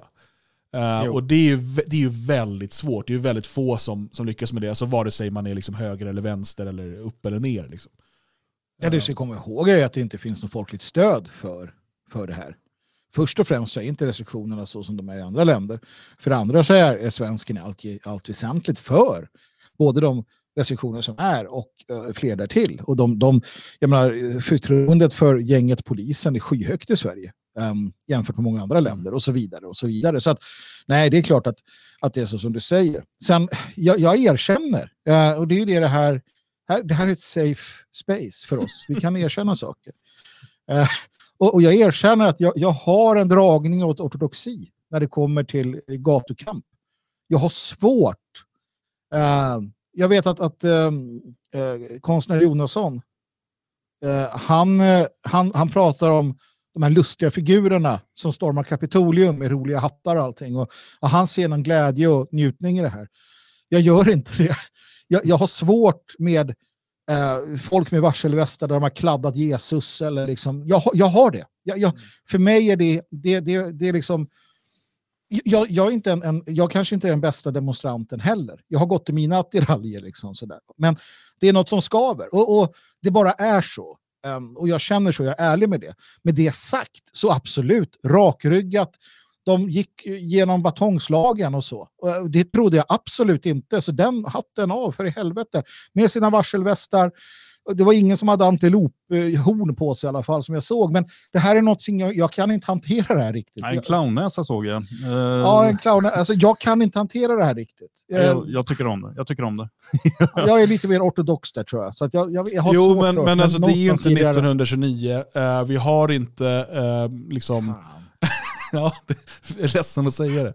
Eh, vi har inte de här eh, kårerna och liksom, ehm, du har inte de stora organisationerna som liksom kan mobilisera folk. Jag menar, ska du få ut folk i snygga uniformer eller åtminstone snygga kläder och gå i raka led, då måste de först vara organiserade. Ja, vi gav ju upp det också under vår tid till sist. Det gick ju inte Nej, nationella. Ehm, så kanske är det så att den här tiden, nej, clownvärlden, det här är liksom den, den, den folkliga reaktionen emot clownvärlden och det är att själva bli clownerna. Ja, jag är beredd att köpa det. Va? Jag är beredd att köpa det och, och, och sätta mitt stöd bakom det. För, för en sak Sen som man ser själv- här, det är ju precis samma sak som man såg i Tyskland och då var det ganska stora demonstrationer. Och det är ju också att det är en salig blandning av folk. Det är ju allt ifrån liksom, eh, typ nationalsocialister till eh, eh, libertarianer, till eh, allmänna liksom, eh, vaken.se-människor eh, och, och liksom den här typen av konspirationsvärlden, om man ska säga det. Eh, du har eh, folk av liksom alla raser, du har säkert... Alltså, kolla på eh, i Tyskland, Alla då kunde du se eh, liksom, kommunistflaggor, NPD-flaggor, regnbågsflaggor, du kunde hitta allt. liksom.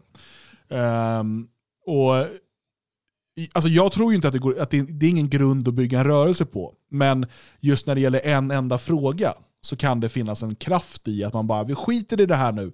Låt oss bara liksom, s- vi ska ha tillbaka våra rättigheter. Liksom. Nej, men, och i det, och det är här jag vill se och hoppas få se mer sånt här.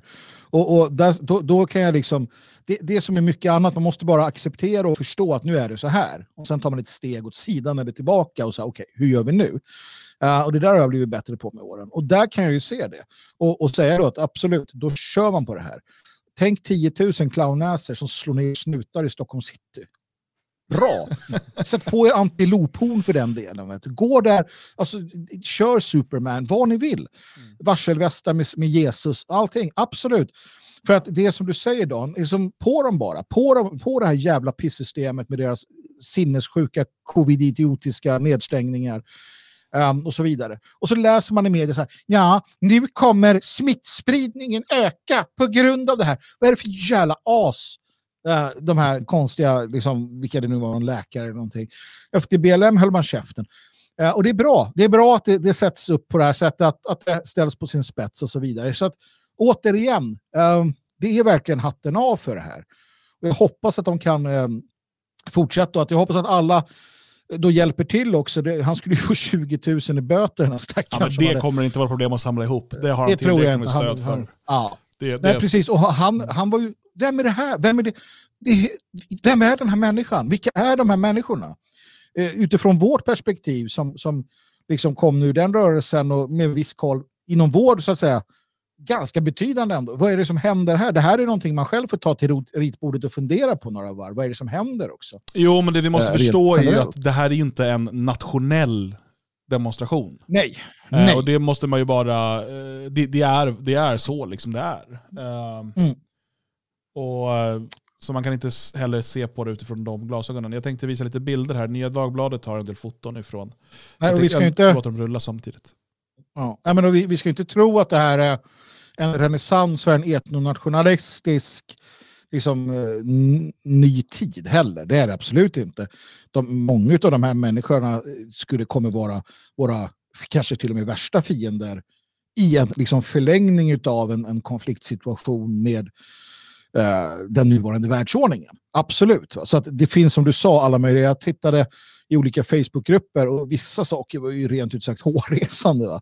Men återigen, just nu, just här, så, så kan man liksom köra och det, det, ja, det är jättebra. Det är Det, det är bara just nu och just här vi kan titta på också. Det, Ja. ju, man får ju gilla läget och acceptera det man inte gillar i, i de här sammanhangen. Precis. Sen får man ju se, skulle det vara så att det utvecklas vidare till någonting större, att, alltså att det blir så här 100 000 man som går ut och protesterar och det liksom börjar bli någon form av revolt i samhället, då måste man ju gå in och försöka Ja, då måste vi styra upp det. För att då, Precis. det, då, det kan inte låta... då, då, måste det ju liksom, då, då blir det ju en kamp om inflytande över de här. Men, men fram till dess är det bara att låta folk leka av sig och ha kul och härja. Men det blir spännande att se nästa demonstration de drar igång.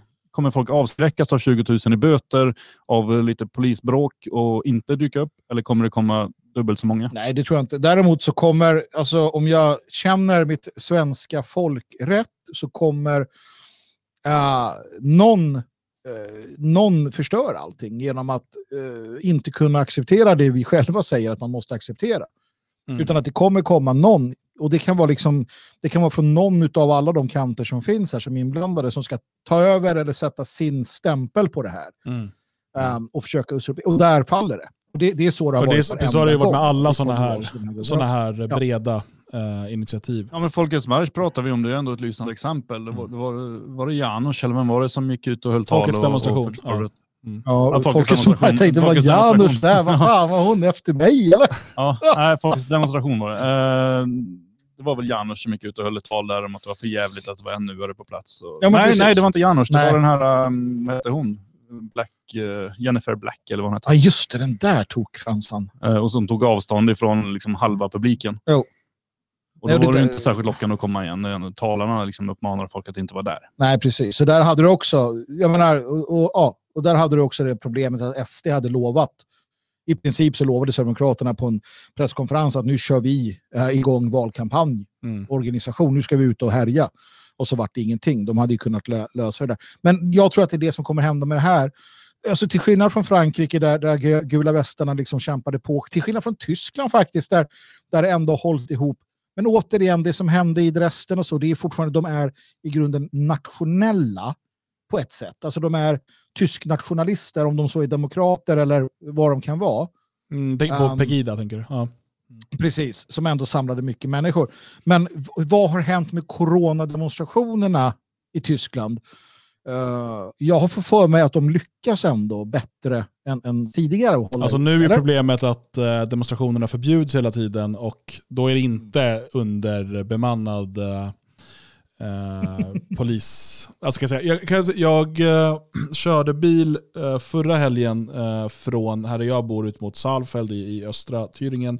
Vi skulle till västra Thüringen, till Eisenach, eh, till svärföräldrarna och eh, då åker man via Erfurt som är huvudstaden i, i Thüringen. Och där skulle det varit en demonstration den var förbjuden. Och då är det alltså på sådana här stora elektroniska billboards liksom, flera gånger. Du vet, där det står om köer och sånt. Och då står det bara demonstration verboten, fahr nach Hause. Alltså demonstrationen är Mm. förbjuden, åk hem. Eh, och så här, eh, infarter till staden avspärrade av poliser, alla bilar kontrolleras. Det, så är det då när det är förbjudet. Ja, ja. ja, men då är det ju liksom... Då är det Men svårt. tyskarna är bra på att förbjuda saker. Ja, de kan det där. De kan det där.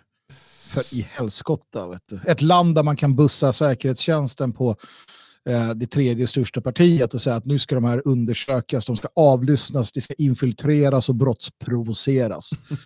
det är det man gör nu mot Alternativ för Deutschland. Bara Men, men, men ehm, ja, just nu så är det faktiskt stoppat. Uh, författningsdomstolen har stoppat det för att de anser att det inte är... eh, att det, ja, de menar att det står i strid mot att alla partier ska ha samma rättigheter. Det, det, Infiltrera alla partier, säger jag. Eh, men eh, eh, det intressanta här var ju också medias då rapportering. eh, för att, och, och, Mm. och eh, ministrar som är så här, hur oansvarigt det är och ehm, hur farligt det är för smittspridningen och så vidare. Eh, och så jämför man det med massor av andra evenemang. Alltså helt ärligt, det var inte mer smittspridning där än vad det är liksom i Stockholms tunnelbana en vanlig dag. Det är klart det inte var. Det var ju... Nej, självklart. Uh, och vi behöver inte ens gå till så här BLM och allting som har varit i Sverige också. Så. Utan det är ju för att de är oroliga. De tycker inte om att det här händer. Ehm, de känner väl också, de tänkte väl att äh, det blir några clownerier bara. De härjar lite så kommer polis. Så vart det så här. Och de blir rädda. Några som blir jävligt rädda för sånt här. Det är sådana som Annie Lööf och så. Alltså, de darrar inför det här och, och alla typer av folkliga liksom, jag, jag kan tänka mig som när vi hade Salem och, och och liknande alltså som nationalister, de blir skiträdda. Um, för det är utanför deras spelplan. Och det här är också det, definitivt.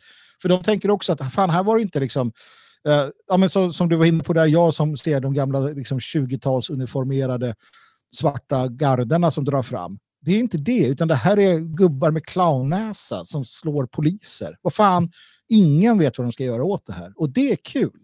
För att de blir helt panikslagna. Ja, Ehm, helt klart. Det är alltså en ny demonstration utlyst den 20 mars. Ehm, så det ska bli intressant att följa och se vad det här tar vägen någonstans. Um, jag tänker att vi ska hinna med ett ämne till innan vi går till Magnus fantastiska fakta. Eh, efter Magnus fantastiska fakta så kommer vi här på D-Live, där vi sänder live med video, att öppna skattkistan. Eh, och Det betyder att alla ni som är delaktiga i chatten och så vidare, ni har möjlighet att, att vinna fina priser i form av citroner, alltså en typ av kryptovaluta som ni kan använda här på D-Live. Ehm, och det där görs via ett lotteri då i den här kistan. Vi har slängt in 500 citroner i skattkistan så den är eh, maxad. Eh, och får också passa på att tacka de som har donerat här under sändningens gång. Just nu för februari så leder eh, Stefan eh, med 1010 citroner. Eh, tätt skuggad av Strateg på 1001 citroner. Um, så att Strateg, kom igen nu. Får inte tappa första platsen här. Uh, sen Moose Ridge, Captain Kolja och TKNO har vi här på topplistan som ni som tittar live kan se nere i vänstra hörnet. Um, och vill du hjälpa till och donera citroner och så vidare så gör det på dlive.tv radiosvegot när vi sänder live.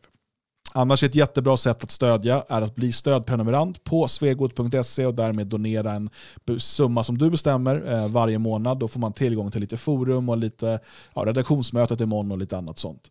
Eh, och vår eviga tacksamhet. Man kan också donera eh, på svegot.se, klicka på donera eh, och hjälp vår verksamhet. Nu ska vi prata om kontrajihadismen som entrism. Och eh, det här eh, kommer sig av att eh, det var en diskussion på Twitter i helgen som fick mig att eh, komma ihåg vissa saker och liksom börja fundera kring det här. För att när 11 september 2001, för många så ses det som starten på kriget mot terrorn. Ehm, och även om ehm, USA hade varit liksom i, i, i Irak och i många andra länder tidigare så var det nu någonting nytt. Det var jihadismen eller islamismen som, som skulle bekämpas i Afghanistan och i Irak och i Syrien och var den nu än visade sig. Och jag eh, har försökt att liksom verifiera det här eh, under de senaste dagarna. Jag tittar lite gammalt material och så vidare. Och något som slår mig är att den nationella eller invandringskritiska rörelsen eh, innan början av 2000-talet, alltså runt 2001 här och fram 2003-2004, eh, inte alls hade ett så ensidigt fokus på islam som man har haft efter det. Eh, det var absolut så att islam var en delfråga, men fokuset för nationalister och invandringskritiker var på invandringens eh, demografiska alternativt ekonomiska konsekvenser eh, för samhället.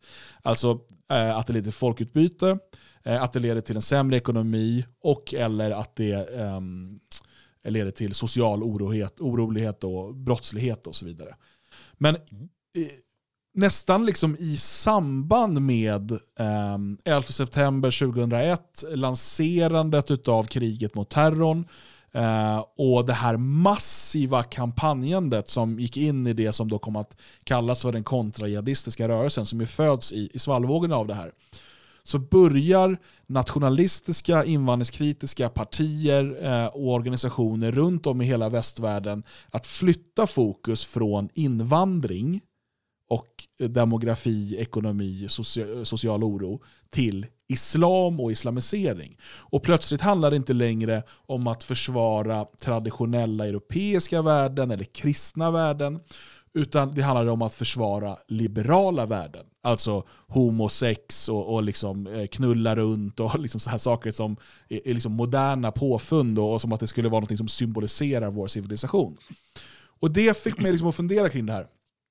Uh, för vi vet att de, de eh, nykonservativa neocons i USA, eh, som var drivande i det här, de här kampanjerna och liksom kriget mot terrorn och, och så vidare, eh, Eh, att många av de ledande eh, neokonservativa har sitt ursprung i trotskismen. Och trotskismens eh, strategi är entrism, alltså att gå in i rörelser och ändra dem för att passa agendan, alltså ta över dem inifrån så att säga.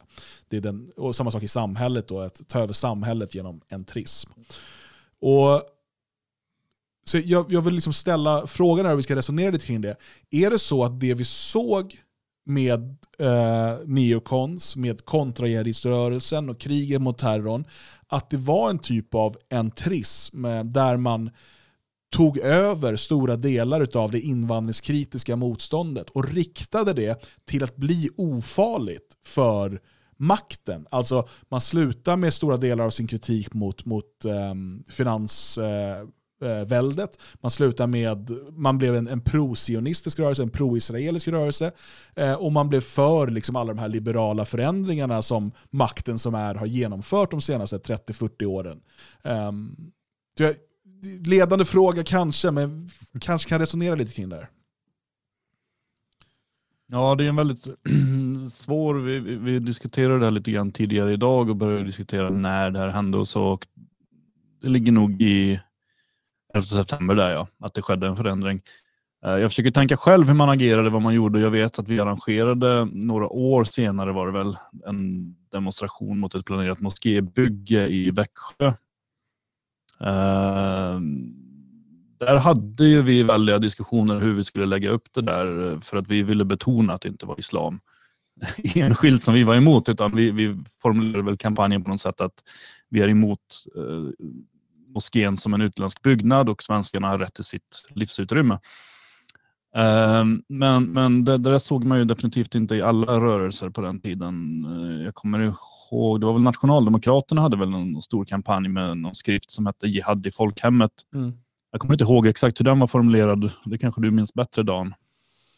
Eh, Jag minns inte den exakt heller, eh, hur den var utformad. Samtidigt så hade ju Nationaldemokraterna etnopluralismen som eh, grundfundament eh, och därmed pratade om just liksom etnicitet och vikten av alltså att, att invandring framförallt var en etnisk ödesfråga. Ehm, Mm. Så eh, det var inte helt borta där. Men, men det var absolut en, men jag minns inte exakt hur den kampanjen var upplagd. Men sa, saken är ju ändå någonstans att även då nationaldemokrater, NSF, jag vet inte, motståndsrörelsen kanske, Ja. i viss mån i alla fall nappade och hakade på. Det jag vill säga här, eh, först och främst, det är att vi höll emot eh, SMR, eh, NSF. Vi hade en gemensam demonstration i Stockholm, bland annat. Eh, och nu är vi inne på, jag kommer inte ihåg när, men 2000-tal plus. Eh, Stoppa förintelsen av vårt vi- folk. Precis. Ja. Där håller jag Jag tal. var, jag var och där och berömmer- filmade för inför 14. Du ser. Jag gratulerar ju där eh, Hamas. Eh, vi tar ställning för den, den palestinska befrielserörelsen. Jo, men, men, men blev inte ni också muslimska- typ nästan trotsiga för sakens skull också? Jag minns att ni Jo, publicerade här och och- och- Al-Qaida-propagandavideos och sådär. Ja, och varför? Varför? Jo, för att någonting händer. Och det är det här. Vi pratar om bevis. Någonting händer som får hela, hela oppositionen att springa i ett så här sionistiskt ledband, känner vi. Och då går vi naturligtvis åt andra hållet och så här, okej, kör på. Ja, Just det, vi översatte ju tal av bin Laden och sådär också. Så Ja. ut. Eh, Och det är ju för att här ska det liksom, nu jävlar, nu är det något som händer. Och på vårt oslipade ungdomliga sätt så svarar vi så. Och det, det, det ger ju en viss, eh, en viss eh, kredibilitet till det vi säger här. För det är precis så. Att innan det här, alltså först och främst, titta på eh, True Lies från 1994, en amerikansk film. Då är den arabiska terroristen, han är en fjantig, misslyckad typ som går runt och gör roliga grejer. I princip, det är ett skämt. Eh, och det, det, det är så de framställs, utom i Rambo, för då var de kompisar med USA. Skitsamma. Eh, men, men, men sen händer någonting efter 9-11. Eh, och det tar, det tar oppositionen på ett brett sätt med sig. För att de känner att nu kan vi fritt ge oss på islam och de är svartmuskiga. Innan det så var det, tänk bara på första slagorden, bevara Sverige svenskt. Det var en positiv, vi ska bevara Sverige och svenskarna, punkt. Det fanns inte alls det här. Sen Björns trädgård, eh, Söder, den första moskén på, på länge där, det, det är klart vi var uppe och härjade där och försökte vandalisera som skinnskallar och, och sådär. För att det, var, det var inte för att de var muslimer, det var för att de var utlänningar. Sket väl i det, vi diskuterar alla möjliga liksom, ställen vi skulle ge oss på. Så länge det var utlänningar. Så att, nej, det är helt sant att det händer saker. Och, och vissa delar av rörelsen försöker kämpa emot det där. Och så var nej, nej, nej, vi ska inte gå i det cyniska ledbandet. NSF och ja, Info 14 håller ju också en rekorderlig rak linje i det här kan jag tycka.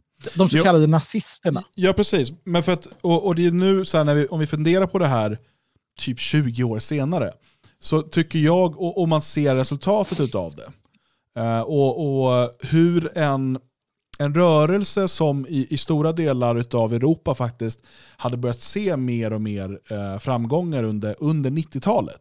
I Sverige, och Oh ja, kom ihåg, oh ja. Sverige, Sverige eh, lite efter på det här när det gäller Sverigedemokraterna, men de dubblerade sig varje val och så vidare. De var på väg framåt. Eh, och, och demonstrationer och så vidare som hölls. Men, men Sverige, vi, kom- alltså, vi älskar Sverige, men Sverige är en liten, liten, liten spelare i det här stora. Eh, så exakt vad som händer i Sverige är inte superviktigt här på internationellt plan. Men eh, jag gick tillbaka och, och tittade på eh, det jag kunde hitta nu bara online utav sånt som Jörg Haider sa innan ehm, de, i samband med att de satt i regeringen 99 om jag inte minns fel, eh, Mm. i, i Österrike. Eh, alltså FPÖs dåvarande ledare. Eh, och han nämner knappt islam, islamisering, jihad. De där orden liksom finns inte. Eh, utan han pratar om att bevara österrikarnas sätt att leva eh, och att en för stor invandring riskerar att tränga undan österrikarna och sådär. Eh, på ett liksom, ganska mjukt sätt, men det är det han pratar om. Eh, och så jämför man det med FPÖ 2006, då, innan, innan Strache, men liksom Haiders andra våg innan han dog, eh, som är nästan bara fokuserad på islam. Ehm, och Visst, jag, jag tror att det till viss del är politisk eh, strategi, för att nu är det lätt att liksom attackera muslimerna och peka på dem, för det kan alla se, och liksom, de är ju konstiga och liksom så här, kolla, de, de bombar och dödar folk och sådär. Eh, men, men, eh, och jag tror att vår reaktion då här i början på 00-talet, eller första liksom, tio åren av 2000-talet, Visst, man kan säga att det är barnsligt till viss del, men vi, vi hade nog inte riktigt grepp för oss för vad som hände, men vi märkte att någonting hände. Och ville säga ifrån. Eh, och, och, men idag tycker jag, jag tycker att det är ganska tydligt om man tittar på det här. För att, och diskussionen som var på Twitter som jag reagerade på, det var ju så här, men varför, det är konstigt det här att med eh, det här om Allah och Akbar var ingenting man hörde på 90-talet. Och, ehm, liksom BSS nämnde aldrig islamisering och sådär. Nej, Mm. Mm, för att då hade inte 11 september skett ännu och, eh, och, och, och framförallt så hade inte kriget mot terror, och man måste förstå den enorma propagandaapparat som sätter igång. Alltså hur mycket resurser eh, från eh, neokons, från, från Israel och så vidare som läggs i eh, att rikta om eh, det, det liksom folkliga missnöjet som bubblar mot massinvandringen och massinvandringens konsekvenser till att bara fokusera på islam. För att islam är ett problem, islamiseringen är ett problem, men om du bara fokuserar på det, eh, det blir skygglappar och så missar du allt som händer runt omkring och blir bortkollrad framförallt. på vägen. Framförallt så riskerar man ju att bli för allting som islam är emot. Mm. Eh, att man blir counter-jihadist. Uh, vilket är tämligen farligt för det är ju inte det som det var inte därför jag började engagera mig för att vi skulle ha ett eh, så liberalt samhälle som möjligt. Utan eh, tvärtom. Utan, eh, menar, man, drömde sig bakåt. Man drömde sig till, ett annat Sverige. Inte ett liberalernas Sverige. Men sen, det är också så att kriget mot terror, som de kallar det, har ju också satt igång en islamisering. Mm. På en helt annan nivå. Nej, det är klart att BSS inte pratar om det. Det var en, ma- alltså en, en massinvandring av alla möjliga saker. Men nu, senare tid så är det ju i princip bara muselmaner som ramlar in. Va? Eh, eller sådana som sedermera blir muselmaner. Eh, så det är en jävla skillnad också naturligtvis. Det har ju blivit en självuppfyllande profetia någonstans. Det här. Så kriget mot terrorismen skapade ju, men, men vi ska komma ihåg det. Eh, vi känner ju bland annat en sån uh, europeisk nationalist, han var ju för fan nere och var, han var ju nere i Irak och var bombskydd, Mänsklig sköld. Ja. mänsklig sköld för den irakiska regimen mot de här jävla USA. Eh, och, och det fanns mycket samarbete med det. För, eh, och, och det där begriper folk inte idag, va? för idag så, så ska vi vara Nej, liksom... nej, nej, för det är så här, har du kommit in i det här för fem år sedan, eller för tio år sedan, alltså efter eh, 2005 kan vi säga då, då ungefär, Mm. eh, så kommer du direkt in i där fokuset är på islam. Det kanske till och med är det som Mm. får dig att liksom reagera och vilja vara en del av det här eh, motståndet. Eh, så det är helt, man är helt frikopplad från den liksom, nationella opposition som fanns eh, som fanns innan det, som fortfarande finns, men som är eh, jämfört med liksom, den kontrajihadistiska strömningen som jag letar sig in i liksom, många stora partier, eh, ganska marginaliserad. Mm. Och eh, så, så det, det är väldigt, och jag tror att, eh, nej, det är väldigt, väldigt intressant. Jag kan säga att, eh, bara göra lite smygreklam här, nästa öppna eh, möte från Europa Terra Nostra som är första april av alla datum, eh, det kommer snart gå ut så man kan anmäla sig till det. Eh, då kommer vi ha med en representant från det syriska parlamentet och prata med honom. Så, en muslim, en muslim. kan bli Men intressant. det, det är ju här, det är därför jag eh, med jämna mellanrum räcker ur mig att jag har mer, liksom mer, eh, mer samhörighet med, med liksom radikala muslimer eller traditionella muslimer än med liksom liberala svenskar. Det är också för att, kom igen nu, vi måste ha en, ni måste, man måste ha en, en förståelse för vad det här handlar om. Men man måste också förstå att Um. typ våra vänner i socialnationalistiska partiet i, i Syrien, som ju då har, de har tre mandat eh, i parlamentet, Mm.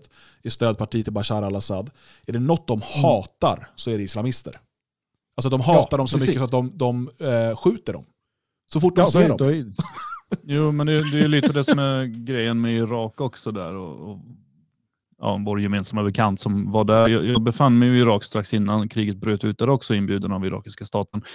Eh, man ska ändå komma ihåg att Baathpartiet var ju, eller är, ett, ett ehm, socialistiskt delvis, men inte riktigt marxistiskt parti med um, alltså arabnationalistiskt tänk. Mm. Samarabisk eh, grundsyn där som gör dem inte speci- alltså enormt olika oss egentligen. Mm. De vill, eh, så deras grundtanke är att de vill vara i fred.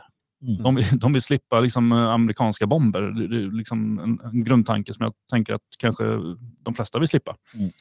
Eh, och när, när man sen lyckades uh, krossa uh, Baathpartiet så det var ju då islamismen växte fram i Irak.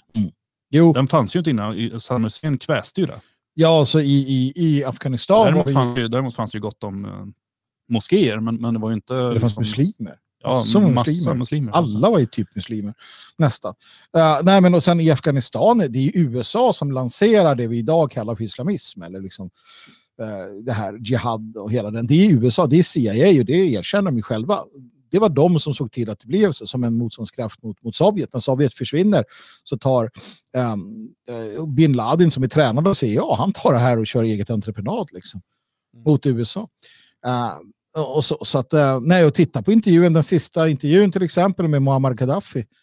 Han, han konstaterar ju där att han är dödlig fiende till hela den här terrorist, eh, liksom muslims, alltså islamistiska eh, som pågår. Så att, eh, nej, och det, är här man måste liksom, det är bra att vi tar upp det på det här nyktra sättet för att det kanske kan få en del att tänka till. Va? Ja, men det är ju det här med att hålla många bollar i luften Mm, som är mm. väldigt svårt för många människor. Alltså att man kan vara emot både islamsk invandring och um, liksom en hbtq-rörelse som tar över landet. Man kan vara emot båda, det går jättebra. Och nationella rörelser i Sverige har alltid varit det. Men när jag började engagera mig, man gick och satte upp anti-moskéklistermärken fast det inte fanns några moskéer i princip i Sverige. Eh, Sverigedemokraterna hade en valkampanj 94 där de satte upp affischer med massa muslimer med röven i vädret på, på eh, ja, någonstans i Göteborg. Uh, vi, vi kommer ju ihåg ehm, um, Vivian Franzéns tal från Ny Demokrati när hon pratade om att snart kommer alla barn vända sig mot Mecka, eller när kommer det hända? eller något sånt där.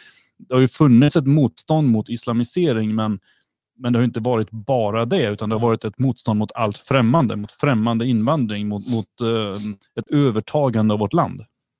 Och Mm. det står vi kvar vid. Ja, men precis. Nej, precis. Och, och det om som händer med eh, kontrajihadiströrelsen, eh, Pamela Geller, Robert Spencer och hela den här rörelsen, eh, som är ganska genomjudisk i sig, är att mm, man, man riktar fokus till att handla om att problemet är eh, att islam är vad man kallar då kvinnofientliga, att islam är bögfientliga, att de är Israelfientliga, eh, att de vill då eh, liksom, ehm, Du ska inte få dricka sprit. Nej men ja, precis, alltså det, det är Så- liksom...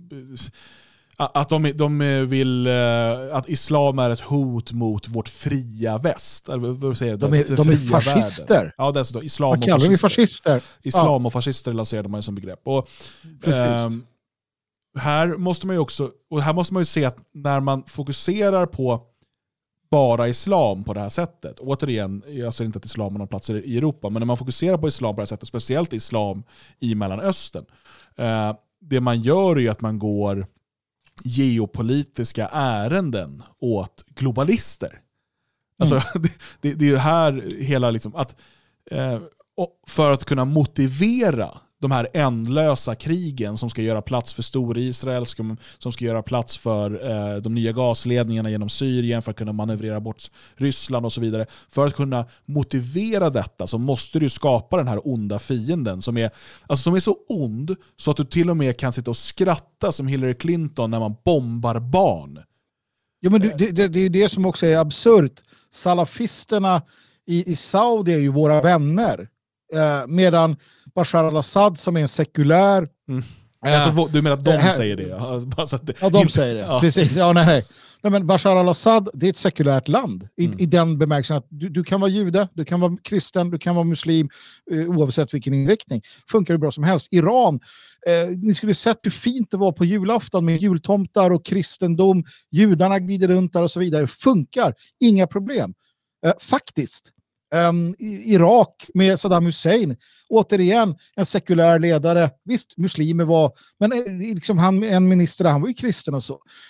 De länderna, det är de man bombar för Israels skull. Mm. Men inte Saudi. Jag menar, det är ju bara, det är bara att inse. Um, vad det handlar om, som du säger, är rätts Israel. Det är det det handlar om.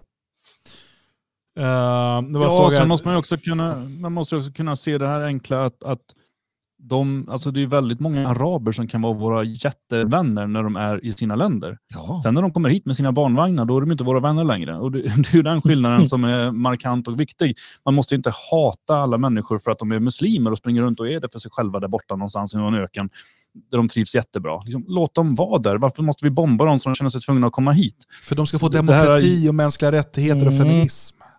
Ja, nej, De ska men det, här liberala- ständiga, det här ständiga jublandet över att andra länder bombas av USA, det är ju så antinationellt. Så, så det, det, Ja, men vi såg väl det när, när Janusz just skrev det, att det, hon såg fram emot att man skulle inleda ett krig mot Iran, Mm. som i princip skulle göra ett tredje världskrig med enorma flyktingströmmar, där, där människor måste, kommer ta sig till Europa. Hon, hon ville så gärna ha det för Israels skull. Och en massa jävla papphattar till så kallade Sverigevänner som applåderade och säger ja men det är bra på de där muslimerna. Mm. Det är så dumt, så dumt mina vänner. Ja, det är väl återigen som du säger, det är det här med att kunna hålla två, eh, två bollar i luften samtidigt eh, och inte Mm. liksom rusa åstad någonstans. Och bara, alltså, som sagt, jag tror att till viss del har eh, den nationella oppositionen lite sig själv att skylla. Man såg en, en ganska enkel väg. Eh, liksom, nu öppnades det upp där, plötsligt så var liksom, i stort sett all media var plötsligt mot. Och det här, jag vet att en del svenska kontrarister kommer säga emot det här, men plötsligt var typ all media emot muslimer. Sverige Mm. var lite annorlunda, jag är helt med på det. Men om du tittar på hur eh, de här beskrevs i eh, mycket liksom amerikansk media. Och du var inne på det här med Hollywood, hur man porträtterade muslimer 2001 och framåt, eller ja, 2002 och framåt snarare. Så eh, är det tydligt att det här är ett legitimt mål att liksom rikta sig mot. Och plötsligt eh, behövde man inte ens eh, liksom bli ehm, liksom spottad på av media, utan man kunde till och med bli inbjuden till medias morgonsoffer om man hade den här linjen. Återigen, Sverige, lite annorlunda exempel, men Mm. vi tittar i liksom resten Men- av världen. Ja, men här finns ju ett exempel som är väldigt eh, tydligt eller talande och det, det är ju den franska rörelsen. Alltså Le Pen, den äldre, den kloka. Han eh, gjorde något uttalande vid något tillfälle när han frågade journalister där om alltså, utrikespolitik och sådär. Och då förklarar han att det, det är det som skiljer oss väldigt mycket från till exempel USA. Att vi, vi kan se araberna i arabvärlden som liksom våra vänner, medan vi inte vill ha dem här. Medan eh, de, tvärtom, när, så fort de kliver in i Frankrike så är de våra vänner, medan vi ska bomba dem när de är där borta. Mm. Eh, det, det hör man sällan dagens representanter säga. Nej, och sen ska vi också förstå att med detta så kommer det ganska mycket pengar eh, från framförallt USA. Du har ju flera institut och, och sådana här organisationer som, som öser pengar, APAC-pengar i princip, över Europa och över personer i Europa som helt plötsligt blir uppburna och har massa resurser att jobba med i Tyskland, i Sverige, eh, Frankrike, absolut. Italien och så vidare för att driva det här. Det, det, det ser vi också. Eh, och och ja, de, de gör, det är en sionistisk agenda i princip som man, man driver.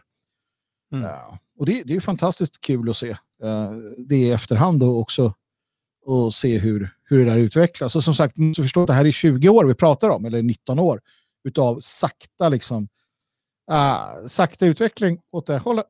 Så är det. Mm. Värt att komma ihåg. Sånt här hör ni ingen annanstans.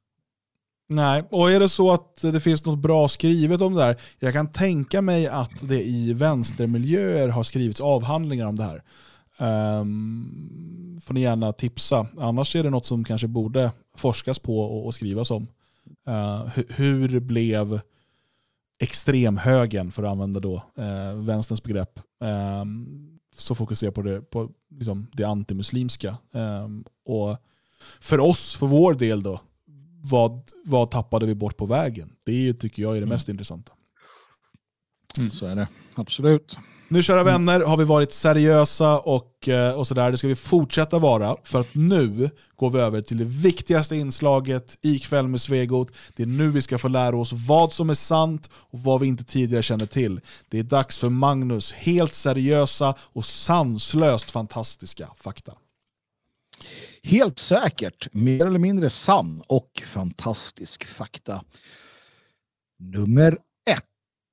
Och vi börjar i Österland. Kineser älskar att göra plastikoperationer eftersom de tycker att de är så fula i grundutförandet. Alltså drar de till Korea, alltså Sydkorea, eh, för att snygga till sig. Ja, plastikoperationer. Man åker inte till Nordkorea. Det är inte så, så utvecklat säger Men i och med detta så har ju ett problem uppstått, förstår ni? Och det är ju så att Kina är ganska ja, sådär slutet också. Och de har koll sina, på sina medborgare. Och när de återvänder och visar pass så stämmer det inte överens. Så det är ett jättebekymmer att kineser som har förändrat sig ska hem igen, inte kommer in i landet. Det är stora långdragna processer för att liksom, ja, se att det är rätt personer helt enkelt. Och det här är ett, ett jätteproblem. Vi pratar alltså ett väldigt problem, väldigt många människor eh, som gör det här. Så att det är lite roligt att tänka sig det och se dem. Så Sydkorea är fullt med liksom, eh, plastikopererade kineser som inte kommer hem. Ja, men lite grann så. Jag kan se så här, äh, köerna på, på Pekings internationella flygplats. Här, de satt upp så här, du som har förändrat dig ska gå här och så. Och, ja, men, och, och tittar ni, alltså om ni ser skillnaderna, det är betydande skillnader. För att de kineser ni har sett och bara, mm, lite snygg kinesbrud liksom. När, men det är vänta efter. nu, Magnus. Hur ofta sitter du och tänker så? Ja, det är väldigt sällan. Eh, men jag konstaterade i min research inför det här programmet att du kan se markanta skillnader. Vi har ju ett exempel från en tidigare fantastisk fakta där alltså just en kinesisk man han stämde sin hustru för att ungarna varit så jävla fula. ja, och, och det visar ju sig att hon då, hon såg ju söt ut, såg ut som en sån här manga, typ mangabrud. Eh, det visade sig att hon hade gjort såna vansinnigt många plastikoperationer. Så att han hade, han, det var ju falsk marknadsföring, så ungarna var ju skitfula. Eh, ett stort problem också det i Kina ska jag be att få tala om. Att du, Fula ungar. en, Ja. ja. men, ja, men alltså, ful kar gör om sig, ful kärring gör om sig. Båda blir så här, oh, snyggingar. Och så ligger de, parar sig, får barn och barnen ser för jävliga ut. Det är ju helt hopplöst det här. när det Ingen ser ut som de alltså. ska. Ja, det är skitjobbigt. Va? Så att, nej, och det är ett stort problem. Och framförallt i Kina, jag vet inte om kineser tycker sig vara så särskilt mycket fulare än japaner och sådär, men det är i alla fall så de gör då. Uh, sen är det, jag vet inte, de här så de kanske inte har råd. Ja, ni, ni i chatten, ni är säkert såna här, det finns säkert några här som är såna här anime-älskare och sånt där. Vad är det med japansk kultur som gör att de alltid, alltså för att alla deras, eh, ofta verkar ju alla ha så här europeiskt utseende i de här Ja, manga men det det, och anime. det är kineserna är ute efter också. Jo men de är det någon som vet varför det är så? Skriv gärna i chatten. Jag, alltså, Europeer är snyggast. jo men är det, är det det som är grejen eller? Ja. För, alltså, tänk, men alltså, tänk det- dig själv alltså, om det här hade varit vår populärkultur. Eh, som svensk, eh, för det är väl väldigt stort det här manga och anime som jag förstår det i, i de här länderna. Ehm, och att det som hade varit här då, då hade alla varit svarta eller asiater. Eh, Mm. det hade, alltså, hur ställer sig liksom japaner? Tycker inte de att det är konstigt att deras barn bara matas med massa europeiska ansikten i det här? Det Jag hävdar att, den, alltså, jag hävdar att alltså, Eh, den vita kvinnan framför allt är alltså universellt sett självklart är hon, är hon den vackraste. Det är, det är därför alla, Ja, alla inte bara för oss, utan-. Ja. Precis, precis. Och då, då försöker de göra sig sådana. Eh, och det är där, det där. Och sen finns det säkert så här, eh, nationalister där som säger nej, vi ska ha våra kvinnor som de är. Va? Men uppenbarligen har de ju problem med det här. Vi gillar fula kvinnor. Ja. Jag vet inte. Du får fråga kineserna. Ja, det är roligt i alla fall. Vi tackar för den faktan och fortsätter till Moskva. Nu ska ni få lära er något om ehm, de fyrbenta vännerna. Och inte då ryssar från Tjernobyl, utan eh, man har kunnat se i Moskva hur sådana här gäng med lösdrivande hundar, hur de medvetet, helt medvetet uträknat, skickar fram den sötaste hunden i flocken för att tigga mat, som den då får maten och så springer han tillbaka och så ja, delas det väl upp eller ledaren tar allt. Det här är Som där, exakt gör som i kvinnor på krogen. De skickar fram den söta tjejen och går och pratar med killgänget. Kommer dit, ja men kom till mina tjejkompisar här. Och så går man och köper med sig ett par drinkar till dem allihopa. Och det är bara kinesbrudar ja, som alla är kineser, vad fan! och hundar. Och hundar ja, som stjäl maten. Eh, nej men så är det. Och Men är det så att hundarna, Fascinerande. kommer hundarna fram till vem som är sötast först? Eller testar de alla och sen upptäcker liksom att den, den här får mest? Det är nog eh, att de har testat den, den som får mest. Trial and det, error. Ja. Ja, eh, skick, de skickar fram en ful fan och han fick stryk. Va? Och sen så har de bara fortsatt. Och så, men det är väldigt intelligent. Va? Hundar är inte dumma på det sättet. Speciellt när de vill ha mat. Va? Så det tycker jag är lite roligt ändå. Mm. Undrar om det också, är, om, undrar om det också finns kid, alltså hundnappning, att hundgäng kidnappar söta pudlar eller någonting. Bara för att, om det, tänk, tänk ett gäng med bara fula hundar, de vet hundar, det. Ja, men de vet ju att de är skitfula och gamla och ruggiga. Så här. Då bara, vi har ingen snygg hund. Och då bara, ser du den där som står där? Ja, men liksom Brutus. Och så är hunden, alla tror att det är människor som stjäl hunden. Nej, det är de här gatugängen. Ryska hund, hundgäng. Ryska hundmaffian, det är det värsta som finns i världen. Importerar hundar. Ja, ja, precis. Det är som sagt hundtrafficking allt möjligt. Det är en helt, det är en helt ny värld som öppnas. Eh, så är det i alla fall. Eh, historisk kunskap ska ni få denna dag. Och det handlar, ska ni veta, om den tyska liberalen och läkaren Rudolf Virchow. Han var en av Otto von Bismarcks absolut häftigaste kritiker. De här två klarade inte av varandra. Som sagt, han var liberal och så äcklig på alla sätt och vis. Och det gick så långt som man kunde göra på den här tiden. Det gick så långt så att Bismarck utmanade Rudolf Virchow, Virchow på duell. Han sa att nu får det vara slut på det här. Och jag menar, kanslern själv, va? Mm. Bismarck, han vill man ju inte han i duell med tror jag. Så vad ska då den här Rudolf göra? Jo, han var ju inte dum faktiskt. Och eftersom han blev utmanad så får han välja vapen. Och han valde korv. Korv? Wurst. Han valde wurst. Det är så himla tyskt. Han var ju läkare, professor och liknande. Så att det han kom fram till var så här, jag väljer Wurst, mein Kaiser. Und dieses Wurst mu- musste mit Trikinen präparieren wurde. Wurst? Ja, alltså en korv med trikiner, en korv utan trikiner. Ah. Herr, herr Bismarck, välj Wurst. Eh, vår, eh, det slutade alltså att Bismarck tog tillbaka utmaningen. Han uh, ville inte gå med på det här. Så liberaljäveln vann. Eh, jävla smart ändå, tycker jag. Alltså, det är ändå lite kul att han säger, nej men jag kör korv. Ja, jag vet inte. Ja, men vem fan vill ta risken att äta så här, den här är full med trikiner? Nej, men det är ju ändå... Fan, han kunde ju ha valt ett vapen. Nej men då hade han ju dött. Ja. Men då Bismarck hade ju vunnit, han gjorde det enda han kunde. Han, han då är i alla fall att vinna. 50-50. Då har han ju i liksom Ja, värja eller någonting, då hade han inte haft 50% chans. Här har han ju 50% chans. Så det, är, det var nog Ja. bästa odds han kunde få. jag tror det. Så, så nej, han vart ingen jävla wurstutmaning. Jag, jag är osäker på om det här är sant, men... eh, mm. Ja, det är tyskt va? Men du kan ju se det framför dig då. Att han så här, Jo. Wurst. Jo. Jag, jag, Vad, vad löser inte tyska med korv? Alltså, nej, det- det löser det mesta här, men, men jag, jag, jag, jag lägger ändå in ett litet tvek.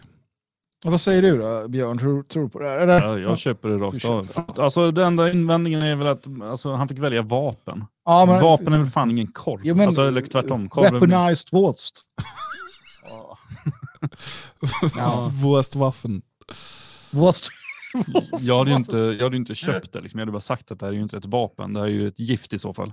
Ja, men okej, vi säger så här att, att Bismarck, eh, han sa ja, men det här är ju inte ett vapen, det här är bara trams. Och så sket han lite, det var därför. Egentligen hade han kunnat äta den och vunnit. Så. Han kunde bara ta båda och så, så hade hans mage dödat alla trikiner. För han var fan emperor. Ja, Gud, jag vet att det, det sitter några, för det finns några som ibland mejlar och så här, kan ni sluta misshandla språket? Snälla prata korrekt svenska. Och jag skrattar varje gång jag säger så här, jag bara blandar en massa språk och så här svengelska uttryck och så, för de blir så arga på mig. Så får jag säga, sluta Magnus, det nej, skär i våra vi kommer öron. inte sluta misshandla språket. Nope. All right man. Yo! Howdy Fox!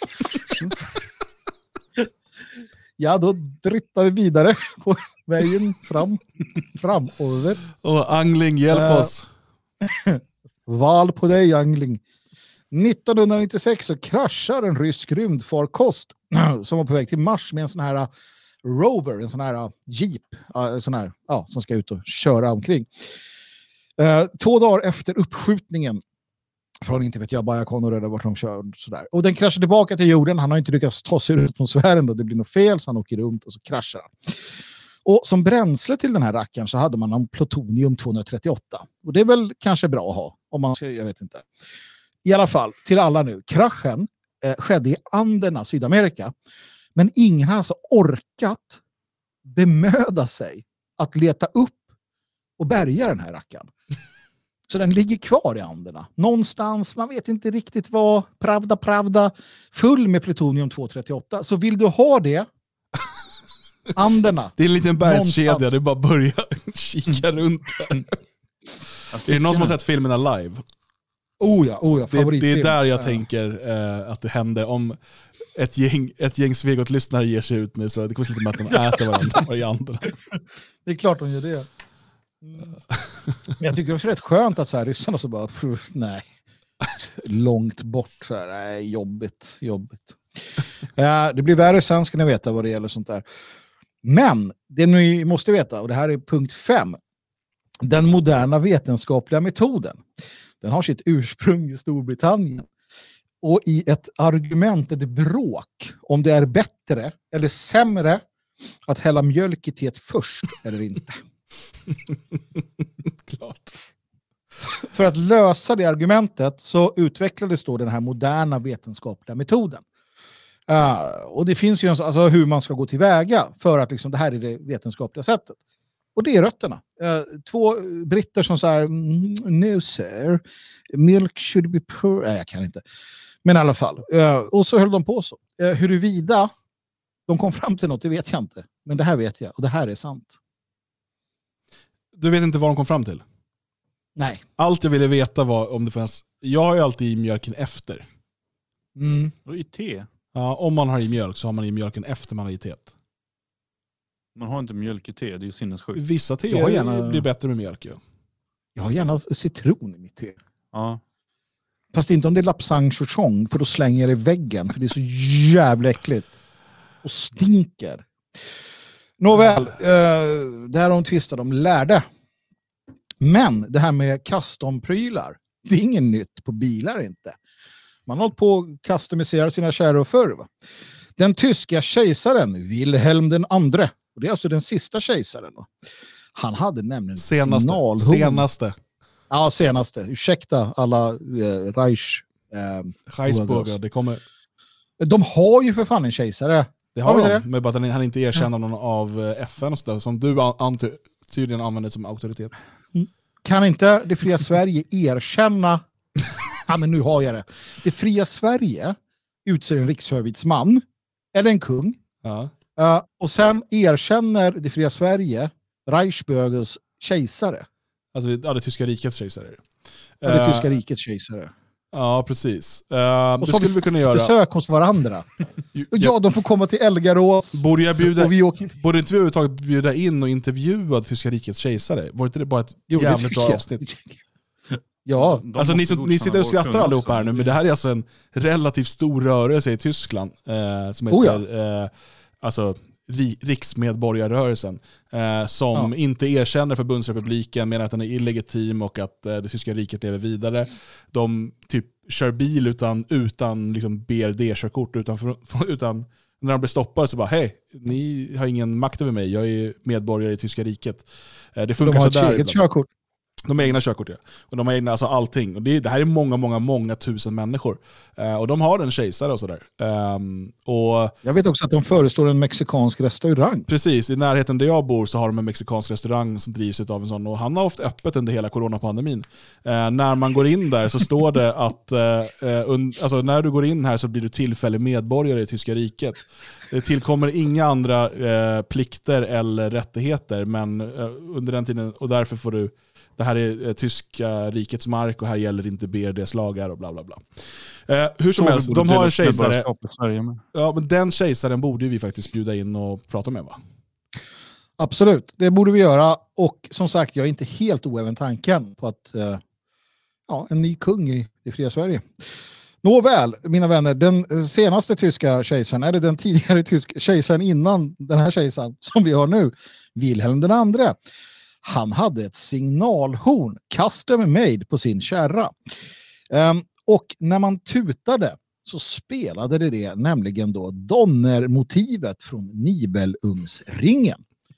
Lite Wagner som klart, eh, när kejsaren kom åkande och så här tutade så bara kom det där. Eh, Imponerande. det, min min kompis hade glassbilen som på sin repa. Det är då en kille, Adorno, som skriver om det här i en bok, eh, när han skriver om tyskarna. Och då tänker ni att det är den där jävla Adorno. Ja, exakt den jävla Adorno. Men eh, vid trippelkontroller av faktagranskare som eh, Radio Svegot anlitar så har vi kunnat se att det faktiskt stämmer att eh, det var på det här sättet. Ingen säger någonting så vi går vidare till nummer sju. Ja, jag skulle vilja Jaha. höra mer om den här uh, faktagranskaren som vi tydligen anlitar. Ja, Vem, men det, är- vem betalar den här faktagranskaren? Ja, men det gör du som donerar. Det är ett helt oberoende institut i USA. Mm. Eh, Nej, men ska se. har, jag överträtt, har jag överträtt några befogenheter? Jag bara tänker att det borde finnas bättre faktagranskare. Ja. Jo, det finns det förstås. De kanske är dyrare med. Hörni, majs, Mm. det är inte bara ett sädeslag om ni tror det. Det är också en frukt och en grönsak. Nej. Jo. Samma majs. Jag läser igen. Majs är inte bara ett sädeslag. Majs är också en frukt och en grönsak. Jag tänker inte utveckla det här mer utan jag nöjer mig där och konstaterar att så Och här är banan fallet. är ett frö va? Ja. Nej, en ört. Ett frö, det är en ört. Banan är en ört. En ört. Ja. Gud, ni kan inte er fantastiska fakta. Och apelsin är en häst. Det finns inga hästar. Häst är frukt. Om du ska baka, vilket du sällan gör, men om du ska, och på tok för sent inse att fan, jag har inga ägg. Misströsta inte, du baksugne man eller kvinna. Du kan nämligen ersätta ägg med blod. Ditt eget förslagsvis. Binder lika bra eller? Ja, 17 milliliter blod är ungefär ett ägg.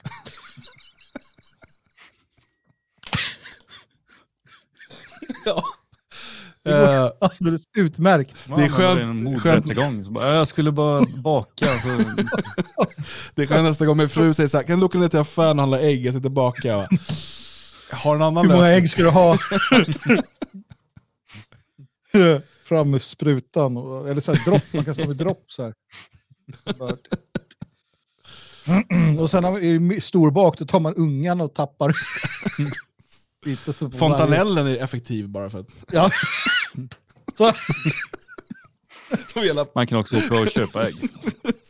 som hela pepparkvarn bara...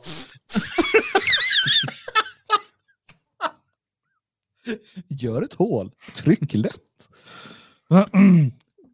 Kommer grått, sluta. Eh, på tal om barn, det här är en favorit i repris. Om du undrar hur det fungerar med mjölktänder och vuxentänder, varning här nu, så är du välkommen att söka på följande. Förbered dig nu. Skriv in child, skriv in skull, skriv in teeth. Tryck enter. Och du kommer aldrig att se på dina små söta barn på samma sätt igen.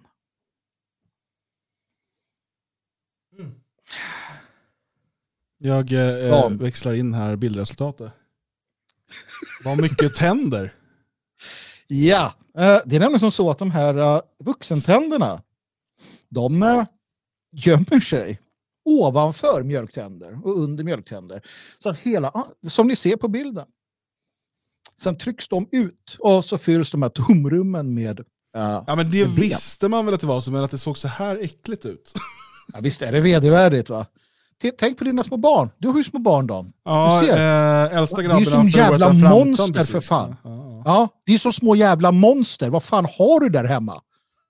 Du måste hålla koll på de här då. Dan, vad fan håller du på med? Du ser ju hur de ser ut. Herregud. ja. Det finns ju en del som får ännu fler ju. Alltså det växer ut, de tappar tänder ett par, tre gånger. Mm, tänk hur de ser ut. Och de där ska man pussa godnatt. Godnatt lilla gumman. Godnatt ja, men de är sötare när de har hud och, och läppar och sånt där. man. Jo, jo, men under allt det där så är det det där. Det är inte många som är söta utan hud. Så jävla coolt att vara den. Han är snygg utan hud. Vacker utan spackel och jävligt snygg utan hud.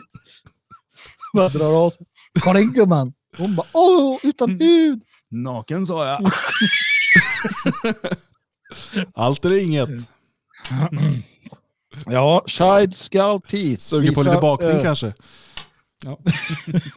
Jag har 17 milliliter blod för ett ägg.